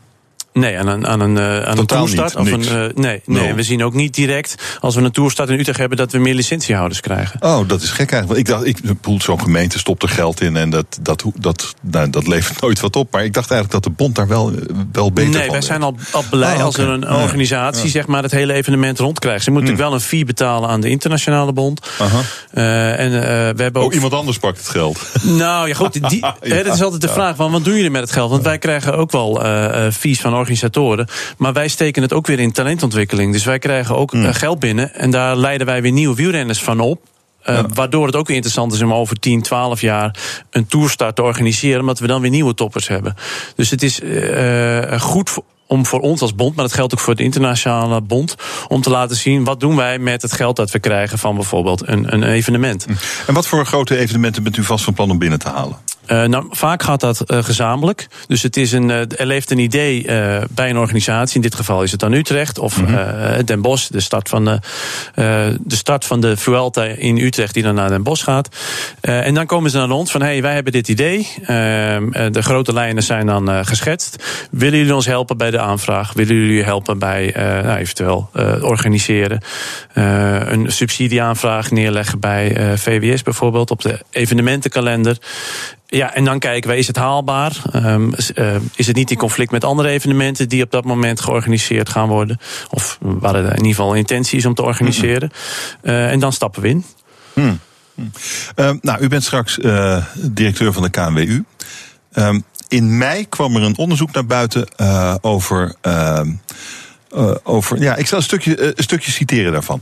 Ongeveer 60% van de wielrenners op topniveau heeft het afgelopen jaar één of meerdere vervelende ervaringen gehad bij zijn ploeg. Een kwart van de toprenners voelde zichzelf niet veilig. Eh, dan gaat het verder over verbale vormen van intimidatie, dwang, chantage door teammanager, ploegleiders, trainers, coaches, andere sporters. En ook seksueel grensoverschrijdend gedrag gemeld door 13%. Dit is een onderzoek, een opdracht van de, van, van de, van de bond. Ja. In mei kwam het naar buiten. Ehm, wa- wat gaat u als nieuwe directeur met dit gegeven doen? Nou, wat ik vooral belangrijk vind, en ik heb daar vanmorgen ook nog een, een gesprek over gehad met een eh, collega-coach. Allereerst, wat doen wij eh, met onze coaches? En datzelfde geldt voor clubtrainers eigenlijk. En dat is om het bespreekbaar te maken. En daar is dit onderzoek ook heel goed voor. Eerst Hmm. inzichtelijk krijgen van wat speelt er? Speelt er iets? Nou, dat is duidelijk. Hmm. Er is duidelijk iets eh, toch aan de hand. En als ik het mag samenvatten, is het vooral een cultuurverandering die wij moeten doormaken. We zijn een vrij, nou, toch wel ruwe volkssport in het verleden geweest. Naar een veel modernere sport nu. Nou, daar horen ook eh, nieuwe normen en waarden bij. En Nou, het is nog steeds vrij ruw. Eh, 60% van de wielrenners op topniveau, ah, et cetera. Vervelende ervaringen. Dat klopt. Dus zaak voor ons om het verder met die cultuurverandering eh, door te gaan. Maar En- wat is die cultuur dan nu? Dat, dat dit soort dingen daarin kunnen gebeuren. Wat, wat, ja, u, u was zelf ook eh, prof. Ja. een jaar of zes, zeven. Klopt. Eh, u herkent dit. Nou, ik herken dit in, in, in een aantal gevallen. Eh, het opmerkingen maken over gewicht was in mijn tijd ook heel be- belangrijk. Of belangrijk, dat werd belangrijk gemaakt door ploegleiders. Eh, en ik vond dat zelf ook eh, zeer vervelend eigenlijk. Hoe, hoe ging dat dan? Nou, dan komt een, een ploegleider binnen en die grijpt even bij een huidplooi hè, rond de middel en zegt: Nou, je hebt lekker gegeten zeker. Of nou, je hebt goede vakantie gehad. En dat is toch wel intimiderend. Zo met andere woorden, je staat eigenlijk te zwaar voor de tijd van het jaar.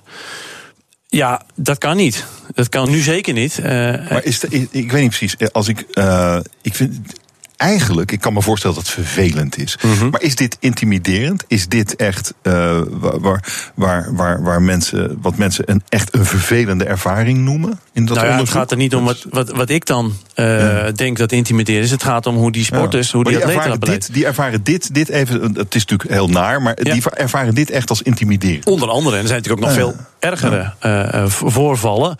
Maar dit wordt onder andere als intimiderend. Of ook dat er gezegd wordt: als je nu niet, nou noem iets op, meegaat naar deze wedstrijd, dan stel ik je ook niet op naar een volgende wedstrijd. Als je nu niet zoveel omvang gaat trainen, dan heeft dat gevolgen. Dus die, die, toch een soort van druk vanuit een ploegleider die kan beslissen wat het programma van, van een renner is. Uh-uh. Of het beschikbaar stellen van trainingsdata. Dus dat je je data moet afstaan. Uh, en op basis van die data kan ook een beslissing genomen worden over het wel of niet selecteren. Dat is natuurlijk ook wel iets waar een spanning kan ontstaan eigenlijk. Ja. Maar ook dat, uh, dat, dat door 13% grensoverschrijdend seksueel gedrag wordt, wordt gemeld. Ja. Dat vind ik ook best veel. Ja, dat klopt. En, maar wat is dat dan? Uh, ja, wat het allemaal concreet zijn natuurlijk allemaal anonieme meldingen. Dus wat Ja. het concreet is, weet ik niet. Maar ik weet wel dat wij, al, ook als wielrenner, nog transparanter moeten gaan zijn dan dat we nu al zijn. Dus ook heldere open cultuur. We komen natuurlijk van een cultuur uh, waarin het toch een soort van. Uh, nou, daar, daar, praat je niet over. Hè, dat hou je voor jezelf. Emoties worden eigenlijk niet gedeeld. Uh, en daarin zijn we al een heel stuk veranderd. Dus er wordt al veel Hmm. meer gesproken. En dat is ook wat ik bedoelde. Door het met de atleten bespreekbaar te maken van wat vind je wel oké. Okay, en jullie, meestal als groep, wat vind je niet oké. Okay, ja, daar heb je in ieder geval al een sfeer gezet van het is, het is in orde om iets aan te geven wat ik niet prettig vind. En daar kan over gesproken worden. En dat was in het verleden absoluut niet. Oké, okay, dit, dit, dus dit, uh, het, het, het probleem zit eigenlijk vooral bij, uh, bij coaches, ploegleiders. Uh, teammanagers. Teammanagers. Uh, onder andere. Maar het is een stijl van leiding geven die als ja. dwingend en intimiderend wordt ervaren. Soms. Er zijn Soms ook heel veel goede coaches, hè? laten we dat voorop stellen. Ja. Uh, en er zijn natuurlijk altijd een aantal die het nog niet goed in de vingers hebben, uh, mm. die een bepaald beeld naar voren schetsen. Nou, ik zeg maar, ik zeg nog maar een keer: 60% meldt vervelende ervaringen. Dat, ja. dat is best veel. Ja, dat klopt. Uh, dus er komt een programma onder uw leiding om daar iets aan te doen. En dat zal beginnen bij nou, de leiding van de wielersport. Nou, dat programma is er al. Ja. Ik bedoel, we zijn al bezig met, uh, ja, ja. juist door dit onderzoek te doen, zeggen we wel van hé, hey, als Sportbond vinden wij dit heel belangrijk. Wij willen inzichtelijk hebben hoe groot is het probleem met elkaar. En vervolgens, uh, wat zijn we aan het doen? Klopt dat met de aanbevelingen? En wat moeten we nog meer doen? En er ligt natuurlijk ook een heel groot deel bij de clubs, hè, waar de jongeren eigenlijk worden opgeleid. Uh, maar er ligt ook een, een gedeelte in topsport. Um, en we hebben een vertrouwenscontactpersoon. Uh, we hebben nauw contact met een vertrouwenscontactpersoon met NRC-NSF. Dus de kanalen, zeg maar, om, om, ja. om er iets aan te doen, die zijn al in orde. Dus, dus na de doping is, is dit eigenlijk het volgende grote onderwerp, zou je kunnen zeggen? Nou, het, het heeft eigenlijk ja. met hetzelfde te maken. Dat is een cultuurverandering binnen Aha. een sport. Dat wij veel transparanter en opener moeten zijn. Ook samenwerken met andere partijen, met andere bonden. Dat is natuurlijk uh, door het dopingprobleem heel duidelijk geworden. En dat geldt ook voor dit probleem. Ja, we zijn nog niet klaar. Ja. Uh, die, die, die doping, uh, we hadden het erover, u bent zelf prof geweest. Uh, er was ooit eens een wielrenner, ik heb het vanmorgen zitten lezen, die zei anoniem over u. Ik denk dat meer dan 90% doping gebruikt. Ik weet het wel zeker. Alleen van dat soort zonderlinge types als Torwald Venenberg niet. Die was heel erg van de alternatieve idee en heel erg op de natuur gericht. Ja. Uh, dit is, uh, nou, als collega van u waarschijnlijk, die zegt... die Venenberg die heeft nog nooit doping gebruikt. Die hield daar niet van, die deed niet, paste niet in zijn wereldbeeld. Nee, dat klopt. Ja. Terwijl u dat deed in een wereld waar iedereen het dus deed. Dat zegt, wat, dat, wat dat, zegt, dat ja. zegt iets over u. Nou, het begint met het hebben, durven ja. hebben van een eigen mening. Ja. In een, uh, ook in een omgeving die uh, nou, niet zo voor die beslissing is. Hè, of die een, die een andere mening heeft, daar begint het bij. En dat heb ik eigenlijk altijd wel gehad. Uh, dus op dat moment voelde ik me daar, wat dat betreft, soms wel een. Uh, nou, niet als geheel, of niet als onderdeel van het hele team. Dat moet best naar geweest zijn soms, kan ik me voorstellen. Is toen wel zwaar geweest, ja. Maar nu ben ik er ook wel trots op. Dus nu geeft het ook wel weer extra kracht. Ik denk, ja, zie je, door af en toe uh, uh, nou ja, bij je standpunt te blijven. Dat heeft ook heel veel voordelen. Soms wel eens lastig, maar op de lange termijn heeft dat ook zeker een positief effect. Maar dan, dan moet het u ook wel eens overkomen zijn dat er iemand met een spuit naast u stond en dat u zei: nee, ik doe dat niet. Nee, zo concreet niet. Nee, niet? Nee, juist, en nou, daarom zeg ik, ben ik wel trots op dat beeld. Vanwege het beeld dat ik misschien Oh ja. bij anderen had. Dat ze zeiden, nou, dat moeten we misschien niet bij hem doen. eh, want hij heeft een iets andere mening. Dat, eh, dat maakt. Dat, waarschijnlijk is dat ook wel een eigenschap die u nu als directeur van de KMU heel goed kan, kunt gebruiken, of niet? Dat denk ik, ja. Dat denk ik. Hoewel ik wel nu in een omgeving zit waar ik wel goed kan communiceren en over dingen kan praten, waaronder intimidatie. Eh, dus Hmm. ik zorg wel dat ik in een andere omgeving terechtkom als waar ik toen zat. Hartelijk dank voor dit gesprek en veel succes en plezier in uw nieuwe baan. Bondscoach wegwielrennen Torwald Venenburg was mijn gast. Binnenkort de nieuwe directeur van Wielerbond KNWU. Hartelijk dank. BNR Nieuwsradio. Hemmen. Roelof Hemmen. De hoofdredacteur gaat uit van een aanslag. Vanmorgen om 4 uur reed een busje tegen het gebouw van de Telegraaf aan en vloog vervolgens in brand. Bespreek het in. De kantine. Met vandaag Jan Kees Emmer, mediastrateeg bij Trusted Media... en Frank van Dalen, voorzitter van de Stichting Politieke Academie. Heren, welkom. Goedemiddag. Mooi er zijn. Jan Kees, je hebt bij de Telegraaf gewerkt. Je zat in de hoofdredactie van de Telegraaf. Hoe werd jij vanmorgen wakker met eh, dit bericht over je voormalige werkgever? Nou, eh, toch wel geschokt. Dat is natuurlijk eh, verschrikkelijk als eh, geprobeerd wordt om, om een, een bedrijf en een redactie dusdanig te intimideren. En ja, ik, ik ben blij dat, eh, dat ik zie dat, eh, dat de autoriteiten, de burgemeester, maar ook de politie en zo eh, en justitie alles op alles zeg- zetten om te onderzoeken waar, deze, waar, waar dit vandaan komt. En eh, ik denk ook dat het wel op zijn plaats is om te zeggen van ik ken de redactie van de Telegraaf goed. Ik heb er vijf, bijna 25 jaar gewerkt. En dit zal niet helpen om hen niet te laten schrijven over de dingen die, die deze mensen willen dat er niet geschreven worden. Ja. Sterker nog, ik denk dat ze nog, nog eh, vastberadener zullen zijn. Godzijdank en heel goed. Je, eh, je kent het gebouw, je kent het gebouw ook. Het is eh, de laatste jaren behoorlijk beveiligd. Je rijdt daar niet zomaar binnen. Ze zijn ook niet binnengereden. Ze zijn Nee. tegen de beschermingsmaatregelen aangereden. Ja, precies. Dus dat heeft wel goed gewerkt. Ja, en ze hebben kennelijk ook dat tijdstip uitgekozen om puur schrik aan te jagen. En ja, want je komt niet om vier uur s'nachts omdat je mensen wil treffen. Nee. Want ja, die zijn er dan niet, alleen een bewaker. Dus dat is alleen maar gelukkig eigenlijk dat ze dat gedaan hebben. Maar ja, het is toch kennelijk een signaal wat ze af hebben willen geven. Want als je ook die beelden ziet, dan zie je dat een zeer professionele aangelegenheid wel doordacht is. Ja, het is ja. niet zomaar een gek die even tegen de gevel Nee, aanrijdt. nee, nee. Nou ja, wat, eh, de te- Telegraaf eh, lokt dat soort dingen soms misschien ook wel uit door, ja, ik, ik weet niet waarom, maar ze, ze trekken het blijkbaar op een of andere manier aan. Het is niet voor het eerst dat de mensen van de Telegraaf de Telegraaf eh, doelwit is. Nee, maar kijk, als jij tegels eh, van zaken die het daglicht niet kunnen. Maar wat zou dit kunnen zijn dan, denk je? Nou ja, dat, dat vind ik. waarom zat er geen briefje bij? Nee, ja, dat- wat is dit? Wa- waarom doet iemand het zo? Dat, dat, dat, daar zou ik over moeten gaan speculeren. Ik, ik, ik Ja. werk natuurlijk al enige tijd niet meer, dus ik, ik weet. Ik, laat ik zo zeggen, ik heb de afgelopen dagen niet een verhaal gezien waarvan ik dacht van nou, dat moet dit de reden van zijn. Maar het kan ook zijn dat het een, vanwege een verhaal is wat nog moet komen. Hè? Ja, ook. Dus, dus, dus we kunnen daar niet over speculeren wat erachter komt. Heb jij dit soort dingen wel eens meegemaakt toen jij nog adjunct hoofdredacteur was? Eh, nou, niet dit, maar ik weet wel, dat, of tenminste, eh, ik, we hebben wel op een gegeven moment iemand eh, met, een, met een mes van de hoofdredactieruimte ruimte af, weten, af moeten werken. Die was ook binnengedrongen. Dat heeft toen geleid tot enorme extra veiligheidsmaatregelen, gelukkig. En eh, ja, maar je schrikt toch ook wel als dat, als, als dat gebeurt, uiteraard. En ja, je, bent maar eigenlijk maar met één ding bezig, en dat is de vei- veiligheid van je redactie. Eh, Frank, wat, wat, zouden, wat zouden autoriteiten nu moeten doen? We hebben het medeleven gehoord van de minister-president. We hebben de burgemeester van Amsterdam gehoord eh, dat hij gaat overleggen over de, de beveiliging van mediagebouwen. Wat is hier nou een goede reactie, denk je?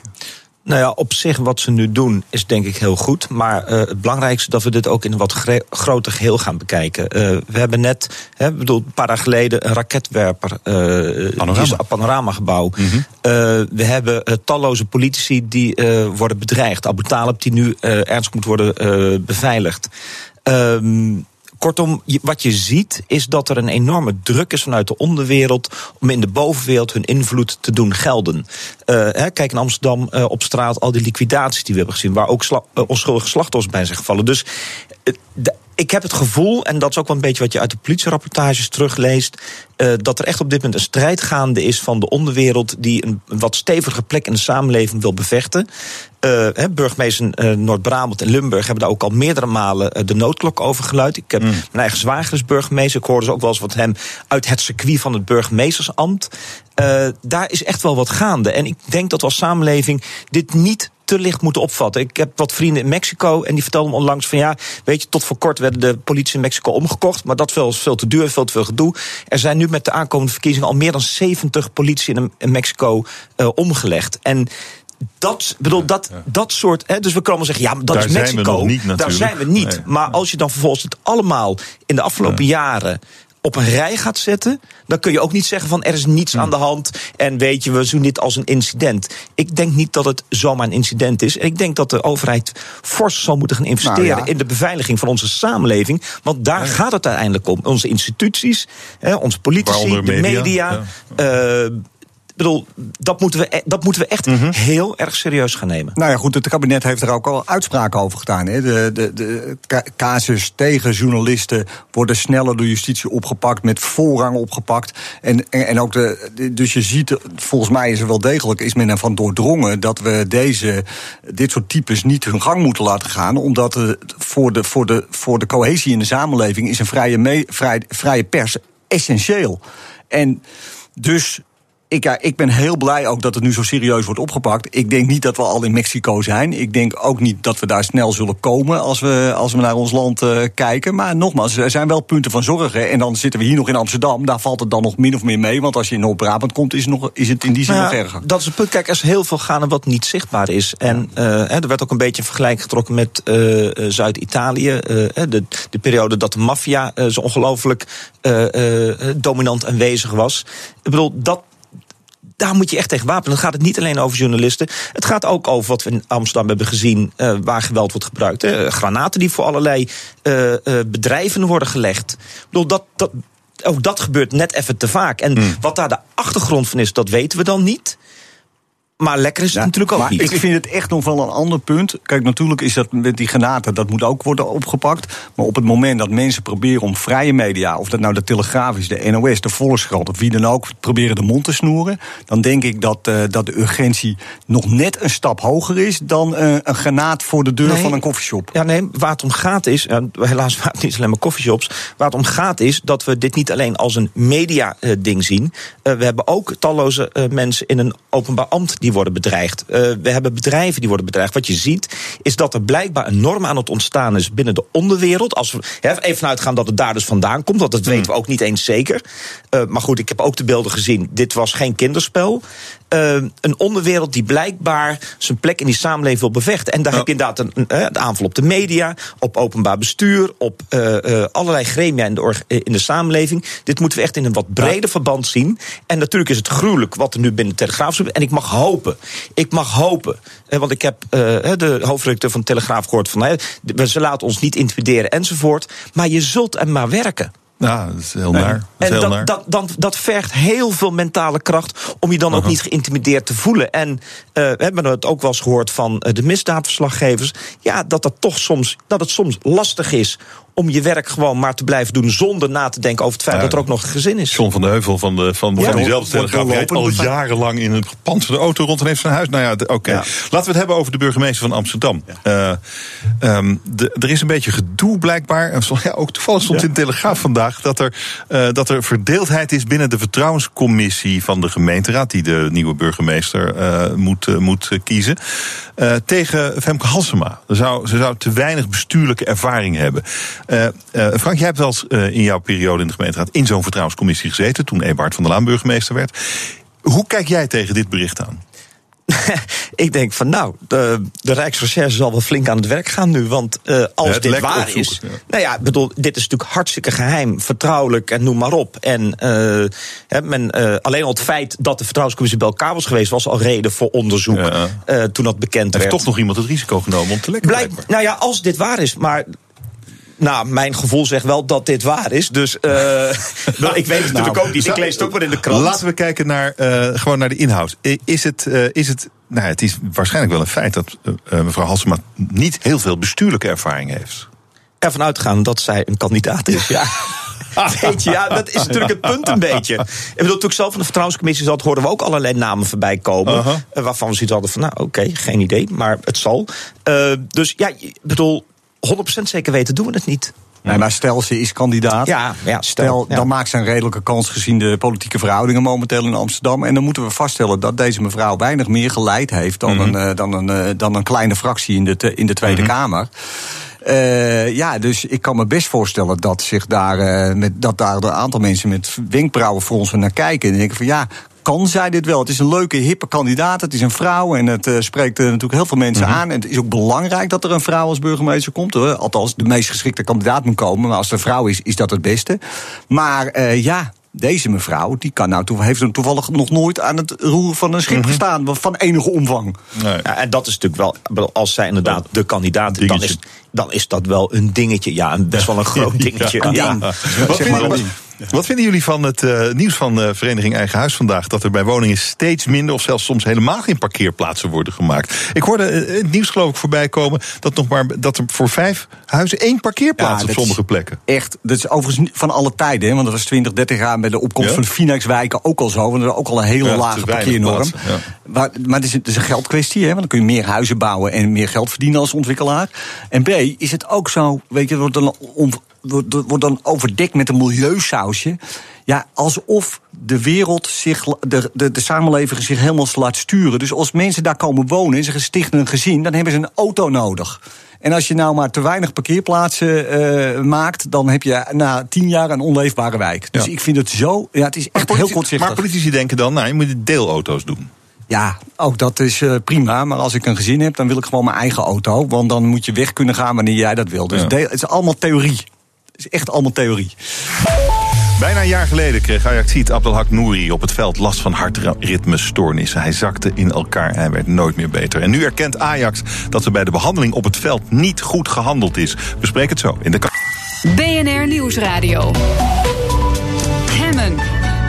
Wij praten in de kantine over het nieuws van de dag. En dat gaat Jurgen Rijman straks ook doen. Jurgen, waar ga je het over hebben in Ask Me Anything? We gaan het vandaag hebben over veranderen. Ja, eh, Ben Tichelaar heeft een nieuw boek uit, De Ladder, waarin hij op een heel eenvoudige manier uitlegt hoe eigenlijk je het beste veranderingsprocessen kan toepassen in je bedrijf, maar ook op jezelf. Want eigenlijk is dat het allermoeilijkste wat er is, is gedragsverandering. Eh, ik heb het zelf ook gemerkt. eh, ik probeerde mezelf te trainen om een verandering in mijn gedrag te, teweeg te brengen. Dat was heel eenvoudig. Ik poets mijn tanden altijd onder de douche. En eh, ik heb een elektrische tandenborstel en die vergat ik dan op de lader te zetten. Dus na twee dagen dan zit je met een loodzwaard ding je tanden te poetsen. Dus ik heb mezelf moeten trainen. Dat heeft zes maanden geduurd om na het douchen mijn tandenborstel op de oplader Ik te zou zetten. dan niet aan andere dingen beginnen als ik jou was. Als dit zo maanden duurt. Nee, maar dit is om aan te geven hoe moeilijk gedragsveranderingen kunnen zijn. Dus, eh, en Benny heeft een prachtig boek hierover geschreven. Eh, En eh, ja, we gaan het vandaag dus over hebben. Vooral in bedrijven, hoe kan je bepaalde veranderingsprocessen doorbrengen? Je, hebt- je ziet dat er nu ook weer transities plaatsvinden. De economie trekt aan, dus er zullen binnen heel veel bedrijven transities plaatsvinden weer. Eh, hoe kan je dat het beste aanpakken? Waarmee moet je rekening houden? Eh, je, zelf je eigen veranderingen, je, je self-leadership. Hoe kan ik eh, veranderingen in mezelf teweeg brengen? Nou, als er één persoon is die dit allemaal beter weet dan wie er ook is, het Ben Tichelaar. We kennen hem allemaal van MBA in de D. En hij zit het hele uur bij me vandaag om eh, mensen hun antwoorden te geven. Dus ja, het is eigenlijk het goedkoopste consultancy-uur wat je ooit in je leven gaat meemaken.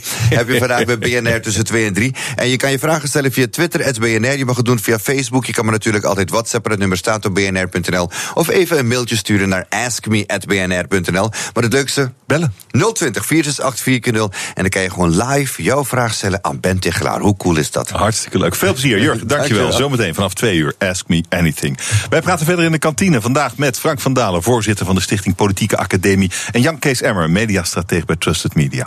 Ik wil met jullie praten over Abdelhak Nouri. Een eh, jaar geleden, bijna een jaar geleden, zakte die op het veld in elkaar. Hartritmestoornissen.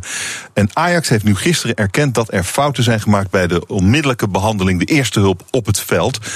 En eh, dat de clubarts hem had moeten reanimeren. En dat duurde allemaal veel te lang. En nou, ja, nou ligt hij in een verlaagde staat van bewustzijn in een bed. Ehm, een jaar na dato erkent Ajax die fouten. Een jaar. Wat zegt jou dat, Jan Kees?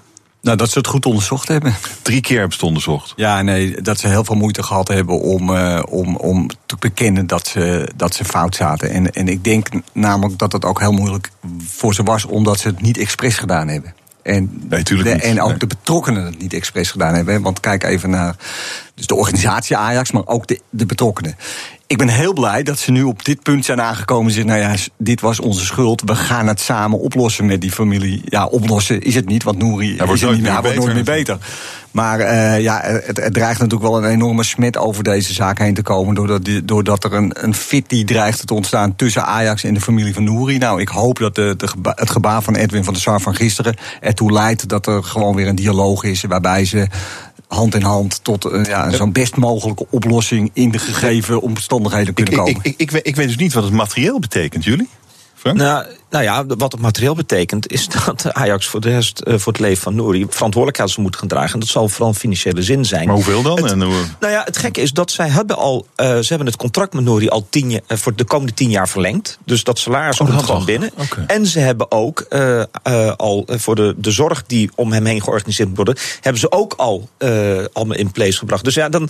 Ik, ik, en dat is al een paar maanden geleden. Dus ik, ik vind Aha. het echt een beetje wat, wat vreemd dat dan nu dan blijkbaar die stap dan moet worden gezet. Terwijl dat volgens mij financieel. Dus ik denk dat het vooral inderdaad. Financieel hadden ze dat volgens mij al lang in, in de pijplijn zitten. Van, nou, dit gaat een x hoeveelheid geld kosten de komende tegen jaar. En weet je, dat zit vanaf nu in de begroting. Ehm, dus ik denk dat het.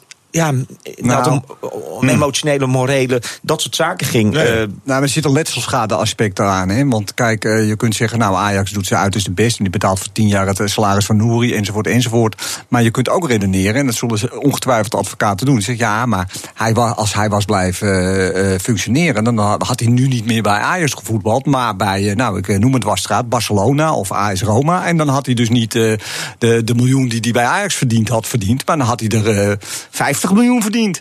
Nou, en daar zit natuurlijk een heel stuk letselschade en gederfde eh, Ja, dat- mogelijkheden maar in. dat En laat zich moeilijk zijn- voorspellen? En dat laat zich moeilijk voor. Maar je gaat daar, die weg gaat echt nog ja. gereisd worden hoor, vanuit de belanghebbenden van de familie eh Nouri.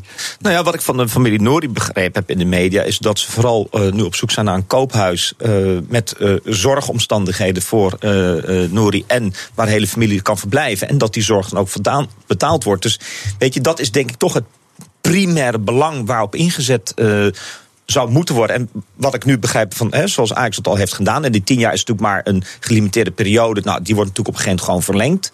Eh, de familie eh, laat zich Tenminste, dat laat ze nu. Hè, dat, dat, dat is wat ze laten zien. We zijn niet uit op eh, tientallen miljoenen schadevergoeding. Of, nee, het gaat ons om Nouri. Nou, weet je, als dat dan de zuivere insteek is van alle partijen... dan moet je daar toch vrij snel uit kunnen komen. Maar ja, Nou ja, het blijft natuurlijk een, een groot drama. Weet je, ik bedoel, Kijk, ik ben geen medisch specialist, maar als ik daar iemand op het veld liggen en er staat een defibrillator staat ernaast en die wordt een kwartier lang niet gebruikt, dan denk je ook van ja.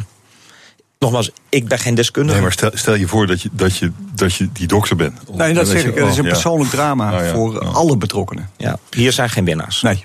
Eh, er is eh, eh, weer eh, gedoe over de dividendbelasting. Er wordt weer over gedebatteerd, gedebatteerd vanavond. Ehm, moet Rutte de afschaffing van de dividendbelasting nou door laten gaan of niet? Dat is, volgens mij is dat nu nog steeds de grote vraag. Wat vind jij, Jan Kees? Nou, het staat in het regeerakkoord, dus eh, het moet doorgaan. Nou ja, ik kan er ik toch vind- weer op terugkomen. Als je Het Ja, maar ik vind ook het, het gemekker eh, vanuit de oppositie is echt wel een beetje tegen Ru- Rutte aan eh, trappen. voor het effectbejag. Ehm, kijk, er zijn hele goede redenen om de dividendbelasting af te schaffen. Er zijn er ook goede redenen om het niet te doen, maar er is besloten om het te doen.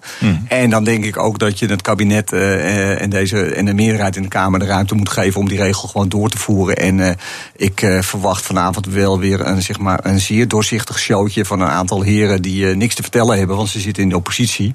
En nou ja, daar gaan we. Daar gaat. En Rutte die zal daar ongetwijfeld gezien zijn capaciteiten als die beter zich weer doorheen weten te glijden. ja, ja, dit, is- dit, is, dit is echt het, het politieke spel eigenlijk. Het Ja, gaat het is meer spel. niet meer om de... nee, de- gaat echt alleen maar om, de, om, eh, om, om het spel.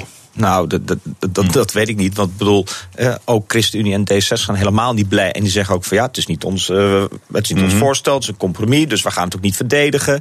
Denk, ze nou, gaan met ook niet aanvallen. Met zulke vrienden heb je ook geen vijanden meer nodig, denk ik dan. Heb je geen oppositie nodig. Eh, nee, ze gaat het niet aanvallen. Ik bedoel, er, er is er inderdaad een heleboel argumenten voor. En zijn argumenten tegen. En volgens mij gaat nu juist het politieke proces erover. Van laten we dan ook die politieke strijd eh, met elkaar aangaan. Om te kijken van wat daar dan uitkomt. En om dan nu alweer op voorhand te zeggen, ja, het staat in het regeerakkoord. Regeerakkoord, dus het is daarmee Nee, klaar maar het afgetikt enzovoort. politieke Dat vind, ik dan, proces- dat vind ik dan echt even te makkelijk. Het En- politieke proces gaat om de inhoud. En dat gaat niet, eh, is, is niet eh, premiertje pesten, zoals we nu al eh, twee, in twee bedrijven hebben gezien. En van- vanavond een derde bedrijf gaan Nou, zien. dat maar dat ik. gaat op de inhoud. Ik weet niet of we dat vanavond zullen nou, gaan is al zien. aangekondigd door de Ehm, heren, dus. Wa- Waar het volgens mij met dat hele dividendverhaal, ik denk dat het een eh, heel terecht punt is. Eh, je kan niet zeggen het staat in het regeerakkoord, dus het moet doorgaan. De Nederlandse samenleving gaat anderhalf miljard eh, aan buitenlandse investeerders geven. Nou, en waarbij onduidelijk is wat we daar dan exact voor terugkrijgen. Aan een hoofdkantoor, ja, waar 200 mensen werken. Ja, en toen? En een paar hotelovernachtingen. Eh, bedoel, je moet heel... Bedoel, want het gaat over belastingopbrengsten. Hè? Dus voordat je anderhalf miljard aan belastingopbrengsten hebt... van een bepaalde mensen die op een hoofdkantoor werken... als een hoofdkantoor al vertrekt... Dat, dat zijn grote beslissingen. Daar mag best even een stevig robbertje over gevochten worden. En het mag ook aan de samenleving uitgelegd worden. En om heel eerlijk te zijn, ik heb ook nog steeds anders dan het argument: anders gaan die hoofdkantoren weg. Maar wat is dan de impact? En wat is dan de echte impact? En wat zijn dan de echte kosten als samenleving die je dan moet dragen? Dat heb ik ook allemaal nog niet gezien. Dus eh, ik hoop dat, eh daar ga ik wel mee, dat het niet een, een, een eh, premiertje pest wordt. Want daar schieten we niet op. Maar gewoon echt inhoudelijk stevig debat over dit onderwerp. Anderhalf miljard, dat lijkt me meer dan op zijn plaats. We zullen het eh, zien. Er is eh, redelijk goed nieuws van het Centraal Bureau voor de Statistiek. We gaan wat respectvoller met elkaar om. Eh aantal mensen dat zich onbeschoft behandeld voelt, eh, is licht gedaald. Wat, wat is jullie persoonlijke ervaring met onbeschoft behandeld worden op straat? Nou, eh, het is nog steeds. eh, ik, laat ik zo zeggen, mijn perceptie is nog niet dat het, eh, dat het heel veel minder is geworden. Want eh, het is nog steeds zo dat je toch regelmatig, als er iets gebeurt in het verkeer of zo, of je maakt per ongeluk, vooral, een- ja, of maakt per ongeluk een fout. Hè, en dat, dat er dan meteen eh, je van alles naar je hoofd eh, geslingerd krijgt. Dus eh, ik had nog niet. eh, ik ben blij dat het signaal er komt van het CBR. Maar het mag van mij nog wel een paar procentenpunten meer achteruit. Ah, ik, ik weet niet precies. Het is eh, verkeer, eh, verkeer zeg jij. Verkeer. Dat ervaar ik ook wel verkeer. Dan zit ik best veel op de weg. Maar het is, de to- tolerantie is echt nul. Ja, ik zit niet zo vaak op de weg, dus dat scheelt dan weer. En je wordt ook nooit Ja. beledigd op straat of zo. Het gaat altijd goed. Nou ja, altijd Nou, goed. gelukkig. Nee, nee, maar ik, Ja, godzijdank. Nee, ja. ik bedoel, ik, toen die cijfers lag, dacht ik, nou, het gaat de goede kant op, blijkbaar. Amsterdam is 35 plaatsen gestegen, Frank, op de lijst van duurste steden voor expats. Eh, op plek 50 nu. Ja, Jij woont in een hele dure stad. ja, en dat is geen goed nieuws. Eh, want dat betekent dat bedrijven op een gegeven moment eh, ook wel het gevoel krijgen: van ja, is Amsterdam nog wel de plek waar we kunnen groeien? Nou, sowieso hebben we te weinig kantoren, dus dat is al een probleem. Eh, want het beeld bij expats is altijd van ja, dat zijn de mensen die heel veel geld verdienen. Maar dat is natuurlijk helemaal niet waar. Mensen die bij die grote kantoren werken, zoals Booking.com en dat soort bedrijven. ehm, die hebben gewoon modale salarissen. Ik bedoel, die brengen echt geen anderhalve ton mee naar huis. Dus die moeten gewoon met dat modaal salaris ook een plek in die stad beve- bevechten. Hebben ze wel wat eh, fiscale voordelen die weer worden teruggedraaid. Ehm, maar ja, dit, dit, is niet, dit is geen goed nieuws. En dit laat zien dat we als stad er niet eh, in slagen om, eh, nou, bijvoorbeeld heel concreet, voldoende huizen te bouwen. Ik redeneer hem precies andersom, want het is wel goed nieuws. Want het zegt namelijk hoe, hoe aantrekkelijk Amsterdam is. En dat, we nou, kijk, dat er, een, dat er een demping op moet komen, daar, daar ga ik met je mee. Maar het zegt ook iets over het feit van dat er kennelijk zoveel toestromen is... dat we daardoor zo duur worden. en dat maar, is maar je ziet nu ook met. eh, ja, maar goed, op een gegeven moment gaat natuurlijk wel. de wallenschip. Eh, Precies. En eh, kijk, als wij aantrekkelijk als stad willen blijven, zullen we moeten zorgen dat we ook voor deze groep gewoon betaalbaar zijn. dat er voldoende ruimte is om die kinderen naar scholen te sturen. Want de internationale scholen zitten vol. Ze kunnen geen huizen vinden. het belastingregime wordt teruggedrongen. Kortom, er zijn heel veel dingen in werking in onze mini-samenleving van Amsterdam. Die uiteindelijk ertoe kunnen leiden. Dat bedrijven zeggen, we keren Amsterdam de rug toe. Of we gaan niet naar Amsterdam toe. Ja, dat moet je echt niet willen hebben. Dus daarom zeg ik toch het slecht Utrecht nieuws. of De Rotterdam aantrek- of Den Haag? Ja, nee, weet je, bedoel, Nee? Amsterdam is Amsterdam en eh, Utrecht is echt Utrecht? heel schattig, maar weet je, nee. Dit, is, dan, dan ga je gewoon dit naar vinden wij. Amsterdamse arrogantie of niet? Nee, Ja, nou, maar goed, bedrijven maken dan gewoon een afweging. Dan gaan ze of naar, eh, nou ja, Londen is nu even wat ingewikkeld, maar dan gaan ze of naar Parijs of naar Frankfurt, Hmm. eh, Barcelona, eh, Lissabon. Daar zitten heel veel callcenters tegenwoordig. Oh. Eh, kortom, hè, dan heb je ook andere keuzes. Want dat zijn bedrijven die maken mondiale keuzes. Die gaan echt niet binnen Nederland kijken wat er kan. Nee, Amsterdam is Nederland. En als dat te duur is of het kan niet, gaan we naar een ander land. Leiden is ook Amsterdam voor, die, eh, voor dat soort bedrijven. En, eh en Rotterdam Ja, is ook Amsterdam. We hebben, wij, wij hebben, we hebben een agglomeratie, en we hebben een delta die uit Nederland. En, de- en de Randstad, dat is één grote stad op mondiaal niveau. Dus ja, ik Ja, zie maar- het probleem nog niet zo. Nou ja, blijkbaar is er wel een probleem. Want er zijn dus bedrijven die de noodklok luiden. We kunnen met onze mensen in Amsterdam niet meer terecht. En ze zeggen dus Amsterdam en niet Leiden. Jongens, ik ga de kantine dichtgooien. Het is hoogste tijd. Fijn dat jullie er waren. Jan Kees Emmer, mediastrateeg bij Trusted Media. En Frank van Dalen, voorzitter van de Stichting Politieke Academie. Dank jullie zeer. Dit was het voor vandaag. Morgen ben ik er natuurlijk weer. Dan is Gijs de Vries mijn gast. Hij is nu nog algemeen directeur van het Nederlands Rode Kruis. Maar hij stopt ermee per 1 september. Ik spreek hem morgen. Nu eerst Jurgen Rijman met Ask Me Anything. Dag.